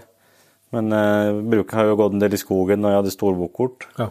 Og da er det klart, da kommer du virkelig til sin rett hund, da. Da kommer en virkelig til sin rett. Men eh, liksom i Snaufjellet og Skål der, så er han egentlig med for selskapet sin del, og han er jo veldig observant. Han er jo like fin å ha med seg på post som når du går. Ja. For vi oss kan jo fint ligge, ligge der og sove, og hvis du bare knytter på oss bånda lett, anlegg, så følger jo han med, han. Ja. Han eh, varsler han hvis den ser noe, men spretter den opp og mm, begynner å pipe litt, grann, da. Hvis hun sover, f.eks. Ja. Veldig kjekt lek. Ja, altså En ting er jo å finne en flokk på 300-400 dyr til kikkerten, liksom, men eh, 10-15, hvis det er en ja, eller to, tre, fire Ja. som passerer, liksom Det er ikke støtt det er like enkelt å få det med seg. Få på dem, da. de ser godt så hardt unna, altså. Ja, veldig observante. Får med seg alt. ja, de går liksom og de bruker alle sansene hele tida. De sitter og følger med hele tida. Er han rolig og fin når du skal skjøte og sånn, eller? Ja, Ja. han er det. Han sier ingenting, han. Du hadde en historie vi snakka om på forhånd, Espen, men du, hadde, du fikk lura med naboen på reinsjakt. Det ble en ganske bra jaktdag. ja, det er liksom eh, Du kan gå, gå på reinsjakt, og så plutselig så skjer det ting, da, for å si det slik. Ja. Du kan jo gå, gå en time eller to innover fjellet og ikke se sjora, så er det omtrent som å skru på en bryter, så det velter over alle kanter. Nei, det var Den sendte var vel at det var siste eller nest siste jaktdagen drøyt av reinsjakta. Og så eh, sendte jeg melding på han og lurte på om hun skulle reise bare gjøre reinsjakt dagen etterpå. Og det kunne vi nå gjøre, da. Og da ble oss enige om det.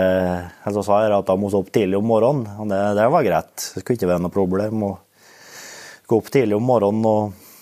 Og vi gikk ifra bilen før det var, før var jost, i hvert fall. Og eh, gikk oppover lia der, og ettersom lyset lyset kom. Det er jo det som er så fint egentlig på reinsjakt, når du går innover fjellet, og så er sola på tur opp, så du har soloppgangen og begynner å lysne rundt det, og, og får all utsikta og, og begynner å speide og slikt der. Og så hadde jeg liksom Jeg hadde tenkt ut ei rute, for det var, var litt vind og og slik som T sa, at det skulle være mulig å finne rein i området, i hvert fall. Ja. Eh, vi fant ikke noe helt i starten, eh, med det samme lyset kom. Men vi skulle nå gå opp på, på Gråhøgda. Eller Gråvola, eller Gråhøgda. jeg vil hete. Det var i hvert fall innenfor muen der, mot Prestbuhøgda. Og, og der, og så han ikke noe rundt oss, så satte vi oss ned litt, og så tok han opp kikkerten og, og studerte landskapet mens jeg satt, da, for det er litt lettere å holde kikkerten rolig og, og se litt mer detaljer når det begynner å bli langt over. Og da var det ikke så lange tid jeg gikk her før jeg fikk sett den første store flokken. Og da var det sikkert en 400-500 dyr. Ja. Som jeg bare Der, her er han. Og han dro med K-en, K-en, K-en. Og opp med kikkerten, og han fant dem jo ikke til, til sin. Og så pekte jeg på den, og så ga han kikkerten, kikkerten her. Og så fant han rennene, og så lurte jeg på om hun skulle gå på dem. Og så Det var jo en stubb dit. Han hadde med seg, hadde med seg sønnen sin. og Han var vel 11-12 år, tror jeg. Han var med. Og så spurte han liksom sønnen sin da, om han uh, følte eller om han syntes det var greit om hun skulle prøve å gå. Om han syntes det ble langt. Nei, nei, det var ikke noe problem. Og, og så endte det med å, å gå nedover der. da. Og så begynte vel å nærme oss med som område der de hadde vært. da. En time eller vannet etterpå.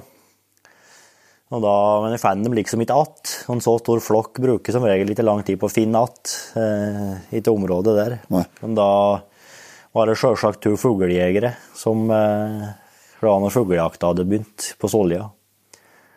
Eh, da hadde de klart å støkke dem, mest sannsynlig. Ja.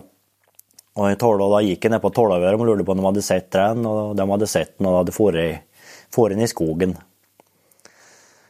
Og så kom en Rune bort til meg og etter jeg hadde laga ved dem, for de ble litt bak. Og så lurte han på om jeg hadde sett den, og nei, hadde gått den i skogen. og så Plutselig så ble det var et eller annet. Det skjedde noe lenger bortved. Og da kom det en ny flokk opp ifra skogen. Og det var nok ikke den samme flokken som hun hadde sett. Det var litt mindre dyr. dette her. Det var nok en stand mellom 200 og 300 som var på tur ut ur skogen og opp i terrenget. Og der var jeg temmelig kjent, for der har jeg sett en god del rein gått i. Så jeg sa at nå må vi bare nå må du bare bite tennene i hop, og så må vi flyge Det er også karom imot denne bjørkestripa som går opp der. De kommer der aldri noe sikkert. Og hvis vi kommer oss bortatt der, så da får vi dem midt i fanget. Og ja, ja, ja, han skulle være med, og da stakkars sønnen hans etterpå 11-12 år heng eh, Han var i like god form han som far sin, da, med det. Og fikk vi kåre oss bortåt, eh, bortåt bjørkebeltet der, da, jorda. Der, der kom de. eh, Det var ikke så mye bjørk annet enn at jeg hadde følge med dem, eller så grenene hele tida, for det var så mange at de liksom syntes hele tida. Og hadde liksom kontroll, men vi måtte liksom komme oss på plass, da. Eh, For å få en fin skuddmulighet og sjanse. Ja. Så klarte liksom akkurat da å komme oss bort til dette bjørkebeltet der og sette oss ned og gjort klar børsom. Da kommer renene. Og da er det så mange at det er liksom ikke plass til dem i denne bjørkestripa. Annet at de kommer i en slik ur imot oss. Nei. Så vi har jo ren liksom nesten 360 grader rundt oss en periode der. Eneste problemet var at de var så nede og så mange at det ble ballott, og- for den hadde bukk under 50 kort. ja. Det er ikke bare å plukke, plukke ut den rette ren. Og han fikk jo litt skjelven og, og pulsen, ikke sant, for han hadde jo ikke eh, skutt annet enn rev før. Og, og nå hadde han jo tilskuere attåt òg, ikke sant. Både jeg satt der og sønnen satt der og, og sa 'den renn kan du ta', og så 'K-en, K-en', og så 'den renn', og så 'nei, nå kan du ikke ta den, for nå er det dyr på alle kanter', ikke sant. Og så var han en ny en, og så 'dette var bukk', og så var det simmel, og så ja da, hun satt nå der, men til slutt så fikk hun noe på, tak på der, da. Eh, De kom jo inn på, inn på 60-70 meter. De fikk, fikk skutt en bukk der. Og det var nå litt hønn på han, men eh, han er rundt 50, sa jeg. Eh, kanskje en kilo over nå, men for hengedøgn så går den under den der. Og så ja, ja, han er død nå, så da var nå det gjort, liksom. Og så glad, ikke sant. Og i, liksom i, i himmelen, der, men som i, i litt like, rus, da. rus, ja. Eh, adrenalinet pumpa, ikke sant. Og hadde med som 300 renn med som innen 100 meter der som gikk rundt oss på alle kanter. Og, og så fikk oss drive med oss denne renen da. Eh, når disse andre renene, eller flokken hos skaututer, trekte unna. Fikk oss drive med oss den rennen på ei en litt ol eh, tuve der, en liten haug, som oss var fin å, å slakte på og sette oss ved i sola. og og litt i lys, og kjøttet fikk kauna før vi pakka det ned og begynte å bære. For det var en, var en liten den hadde til bilen òg. Det var nedoverbakke i, i stykket, men det ble en bratt motbakke på andre siden òg, i Solja. Ja. og så er vi ferdig med å flå, og sa at nå får vi ete godt før vi går, og så følger med litt, og plutselig så ble det var var noe litt lenger oppe i siden der, og da ser vi mest sannsynligvis denne flokken som først oss prøvde å stille på. da. Da er den på tur oppover imot Svuluhøgda og og området der i Steinrøsa. Da blir det noen jegere som stiller innpå der. Og, og så ser vi litt rundt oss, og plutselig, vet du, så kommer det veltende utover med som ja, Breiskala og Grøndalen der. Nå kommer det en flokk på en, sikkert en 700-900 dyr.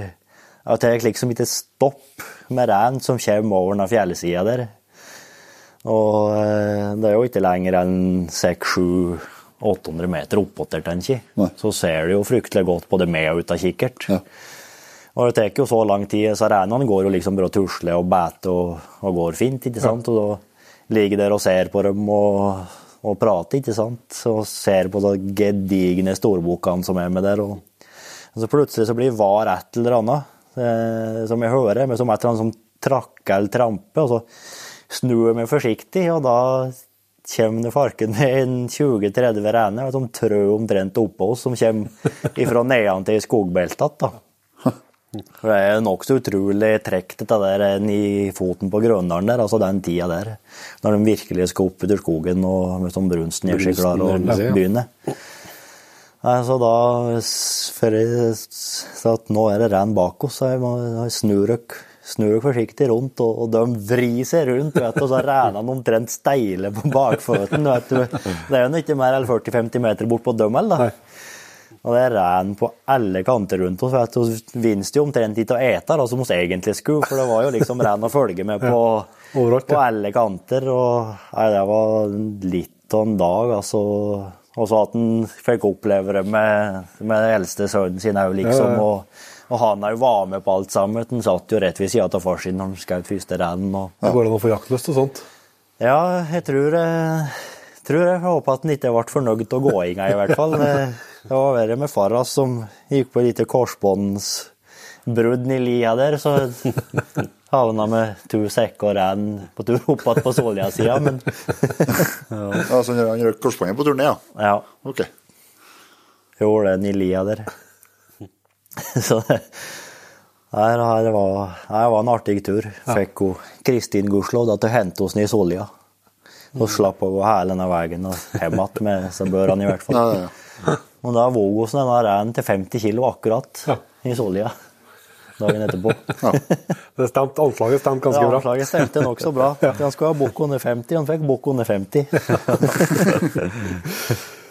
Så det, du vet noen av Hun har jo skutt i utrolig med rein og sett mye rein og, og sammenligne litt med simler og slik, så Det går an å lære seg når den en bare får tida på seg. du ser fort når de blir for store, Ja. i hvert fall. Det gjør det. Det, er noe litt ord bot hvis du er litt du kan bli stor hvis den er stor nok rein. Ja. Ja. På kilo over 50, da. Vi skal, klokka tikker noe voldsomt. Vi kom jo hit tidlig på ettermiddagen, men nå er det jo snart midnatt, så vi må, vi må kanskje De ting er som det bruker å være. Ja, det er akkurat sånn, det er stabilt i Jegerpoden. Men vi, så vi skal begynne å, å runde av etter hvert her. Vi har jo noen faste punkt som vi vil eh, ha med oss gjestene våre på før vi slipper dem eh, ut eh, av episoden. Eh, Du kan få starte, Kenneth, hvis jeg spør deg om ditt beste jakttips. Beste jakttips, ja. Nei, hva sier jeg? Skjøt mer enn broren. Ja. Og større. Nei, beste jakttipset nå blir- må nå bli å observere området som du som skal jakte på. Lære trekkruter og liksom hvor dyrene oppholder seg og litt forskjellig. forskjellig. Litt for, forarbeid. Bli kjent. Bli kjent, ja, i området. Det er jo en stor fordel. Espen, da? Ja Jakttips Det kanskje lytte og, og lære litt. Og det, det er alltid noe å lære av noen. Eh, nå er jo litt reklame for dere, da. Men eh, dere har jo hatt med mye kunnskapsrike folk, eh, og jeg har lært mye av å høre på podkasten deres, i hvert fall. Og, og ja, det er det å bli kjent i terrenget òg, og, og lytte og lære av folk som kanskje er mer erfarne og rutinerte. da. Ja. Og samtidig òg funnet å spekulere litt og gjøre opp egne meninger. også. Ja, jeg tror det er det som er en fin kombinasjon. Ja. Å høre på mest mulig, og så, og så ta til det du tenker er relevant og nøye for din egen del. Altså liksom må jo alle ha sine egne teorier. Ja. Det blir jo litt sånn. En eh, jaktutstyr, da? Er noe eh, dere vil eh, tipse om der som dere er ekstra godt fornøyd med? Du kan jo, jeg, jeg kan jo ikke nå noe om isøks, isøks og sånt. Det er helt, det. Isøks og stegen obligatorisk i gaupe- og jervejakt. Nei, jaktklær, da, så bruker noe stort sett lette klær, vasstette klær, alle Mm. Jeg har jo sånn som jeg tar, den er jeg veldig godt fornøyd med. Ja. Den bruker stort sett hele året. Den blir for varm, så drar jeg opp glidelåsen, tar av meg jakka. Ja. Så, hmm. Den er veldig godt fornøyd med, i hvert fall. Ja. Og slitesterk. Slitesterk, ja. Espen, da, har du funnet noe som du klarer ikke, ja, Strømpebuksa, det får du ikke får ta inn. Får ta Tips, tips om strømpebuksa hvis det kniper. Nei, det må være en god håndkikkert. Ja. Ja. På rensjakt er jo Den det altfor meg. eh. Ja, men på elgjakt og og ikke minst så etter en kjøpte seg håndkikkert med avstandsmålertid, så eh, Det er litt livet før etter det. Ja. Stilte jo, så har jeg jo hatt opplæringsjakt på villrein eh, igjennom i regi av Jeger og Fisk. Ikke eller introjakt, da, Ja. Ja. som det heter nå. nå. Ja. Det var jo litt opplæringsjakt det første gangen det hette.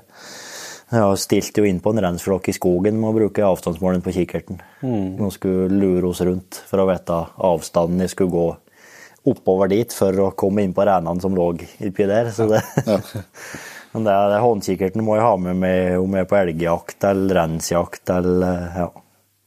Det er borte, det er en, det er en del av kroppen, nesten. ja. ja, det er det. Hvordan kikkert er det du har, da? Jeg har eh, Leica Ja. Geoid. Og så har jeg en Swarovski liten en som jeg bruker mer på elgjakt. Ja. Den er ikke avstandsmålertid, men det er Litt, litt lettere å ha med seg. Ja. Jeg er jo så heldig på jaktlaget at det er bare jeg som har bikkjo. Så jeg Ja. sitter jo aldri på post lenger. Så eh, på en måte så vet jeg jo avstanden bortåt elgen så lenge jeg har trekken eller garmin. Så, men eh, ja. Jeg har ikke brukt for avstandskikkerten bruker på rensjakt, men jeg bruker det på elgjakt. Sjelden det blir lange hold på elgjakt, Ja. egentlig. Er det noen jaktdrømmer da, blant brødrene som, eh, som er der, som ikke har fått opplevd ennå? Jeg har alltid hatt lyst til å være i Skottland på hjort, hjortejakt. Ja. Prøve høgfjellsjakt på hjort der. Ja. Det har jeg støtt drømt om. ja. Det anbefales. Det er det. Jeg tipper at du har ikke sett mørkt på å fått skutt en bjørn før det er eh, for Jevntun, eh, som du driver og jobber med her, da. Nei, det, det er jo en drøm, det òg. det er det jo. Så vi får prøve til at i august, 20. august, nei, 21. august i år òg. Jespen, har du noen jaktdrøm som eh, Når de første jaktfilmene begynte å komme på både VHS og DVD og Blu-ray har det vært, og så har det jo alltid vært jakt fra Canada eller Alaska. Og det er jo elgen som har stått høyest hos meg hele tida, egentlig. Men eh, jeg kunne tenkt meg å være i Canada Alaska og skutt en stor elg, ja. Men òg mye på grunn av naturopplevelsene Ja, og områdene og slik. og. Hele, hele pakken, ja. Ja, det er liksom hele greia ved det. Da kunne jo selvsagt tenkt på Sleften gråhund der, da. Og fått skutt inn i stålås. Men eh, Det er langt mellom den som sitter nok lenger inne, det der. Men da må det i så fall bli på lokkjakt, da. Ja. Så er det nesten eh, dårlig gjort etter vi har sittet og masa om eh, jakthistorier i Jeg syns de har vært flinke til å servere traktorstore. du sa. jakthistorie. Vi får se om ikke det går an å få, få til et til fra hver dag før vi lander Det er litt tradisjon, da. Ja, det er tradisjon, så du kan ikke helt slippe. Du kan eh, få starte, Kenneth, hvis du har et jaktminne du kan dele med oss på slutten der. Ja, jeg har jo det. Det må jo bli eh, storbukkjakt på villrein i Rondane sør. Ja.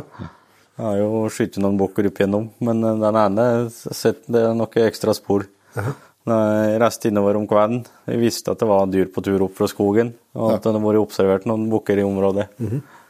Og det var oppe i Storfjellet, så hvis han så tipsa broren min om en gammel stand... Ja, det er jo stygt å kalle det standbu òg. Det var egentlig Det er ei krypinn som jeg kom over når var Jeg var oppi der på reinsjakt sjøl dagen Ja. før Ja. Det var vi som mura opp, men det var jo navn inni der. Og så var det jo lita skiferelle framfor åpningen, og ved var jo der, så det lå jo der i bare fjellduken om natta. Fyra jo og var jo så kald, så det var jo ikke mye søvn det ble. Men allerede om kvelden da, så så jeg jo en eh, seks-sju bukker som var på tur opp. Og så hadde jeg jo litt skytelys igjen. Og så ja, jeg vurderte om vi skulle vente eller om vi skulle nedpå der, men så ble det så gikk nedpå der, da. Så da fikk jeg jo dem på 10-15 meter, de kom jo gående på rekke og rad. Men eh, det var jo som vært såpass skumt, og så fant jeg ut at jeg ikke å begynne med det arbeidet nå mot kvelden, det blir jo snart mørkt. Og, Ja. Så de eh, går jo, rusler videre, og så går jeg opp igjen og kryper inn og legger meg til der og sover. Så jeg visste jo retningen de gikk. Og så våkna jeg igjen morgenen etterpå, og så jakta vi oppover eh, liksom mot fjelltoppen igjen, og mot på andre sida der som jeg så de gikk.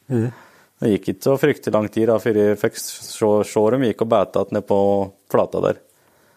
Så, men så var det noen rype, rypejegere som begynte å komme opp på, på andre sida, i Sollia. Så de gikk nå og panka og skjøt litt. De ble litt vare. De begynte å trekke litt igjen, men så til slutt så kom vi i posisjon, da. Så de, da ble det sittende skyting, for da var de på tur med som mot en egen rygg der. Og da fikk jo velge fra øverste hylle, da. Da datt jo en ganske pen rensbukk der. Ja. Det var greit å liksom, det var enkelt å se hvem, som, hvem du skulle ha. Ja, det var en som skilte seg ut eh, ganske mye mer enn de andre der. Ja. Og jeg hadde jo sett den kvelden før òg, så han var jo med der, og den skulle jeg ha. så da var det å begynne å partere og flå, og så kom jo Espen og den andre broren min, og jentungen hans innover om eftan, da var han bare fram igjen. Ja. For det var jo en god time å gå fram igjen. Det har blitt mange turer, skulle vært noe alene i hvert fall.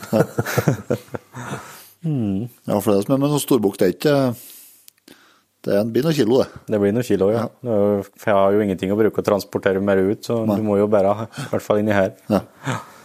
Mm, En storbukk på eh, 80-90 kilo, det, det er noe vekt, det. Ja, det skal du ta. Du, Espen, har du en historie vi kan eh, tvinge ut av deg på slutten her? Ja Det har flere, da. Men det kan ikke ta alle, for da blir jo sittende her til morgentrym. Hva man skal ta, da? Ta den eh, når jeg var som sitter fryktelig godt inn i eh, Det var ikke så lang historie, men hun sitter fryktelig godt i meg. Eh, Det var når jeg var Jeg var langt ifra gammel nok til å gå med børse sjøl, i hvert fall. og, og var med faren min og onkelen min inn på, på Kongsvangen og jakta inn på eh, Statsallmenninga. Og så skjøt de nå en elg langt nedi myrene nedi der, Kongsvangsmyren. Ja. Og skulle ha fram igjen den elgen, og kjørte jo både sånn og fast, og, og mørkt ble det nå. Nei, det var jo ikke den gamle pilten, det var nå sikkert en, ja, kanskje en seks-sju seks år, da, kanskje, og var nå med og traska nedi der, og, og satt jo på den der, dere, ja, det var en slik der eh, Agria. Ja. Ja. Med bare framhjul, ikke sant? Og så er det bare slik lem bak med to små hjul bak. Ja. Som de brukte å kjøre fram til elgen min på der da. Ja. Og, eh, og det som var litt historie, at de trela dem å finne igjen den der elgen litt i starten, så var det derfor det ble så jævla sent. Ja. Og eh, skulle nå komme nedpå der og var noe med å lette, og plutselig så spente den inni den der elgen som lå der, og mørkt var det og fikk lassa den oppå, og så begynte jeg å bli litt mørkredd. Ja.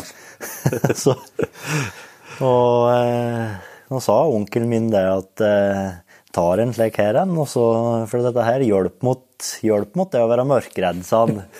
Da var det en like, hvit fisherman's friend, som han hadde lagt ned i en like, fyrstikkask. For at det ikke skulle skrangle, ikke sant?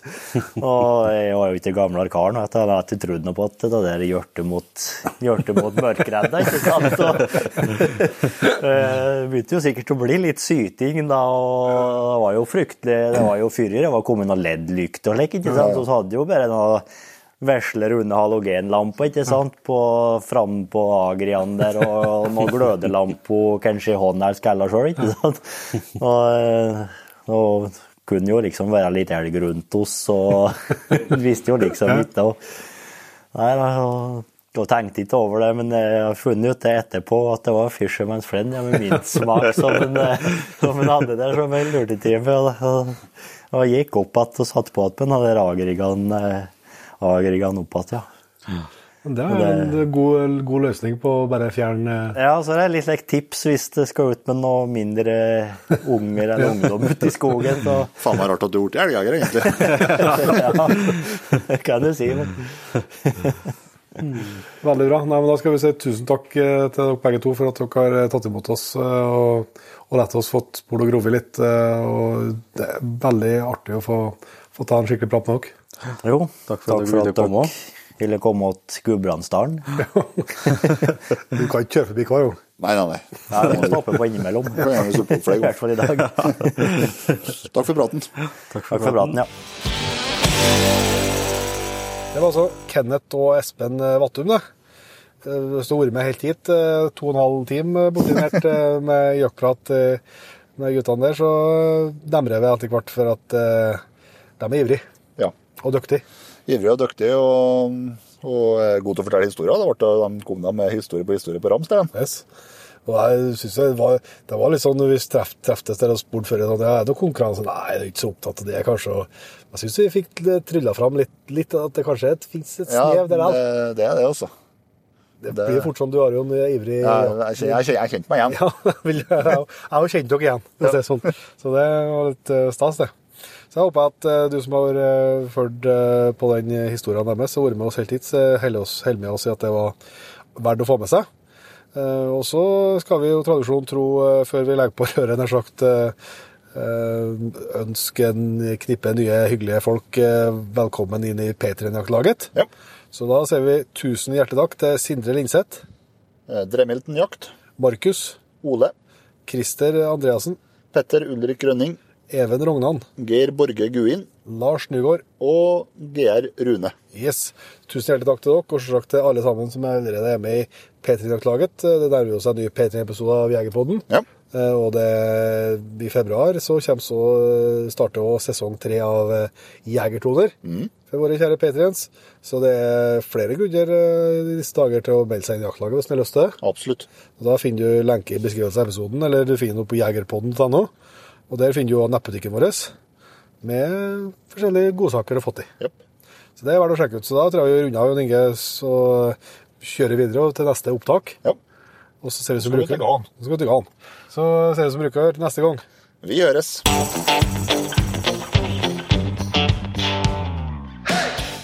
Tusen hjertelig takk for at du valgte å bruke litt av tida di på Jegerpodden.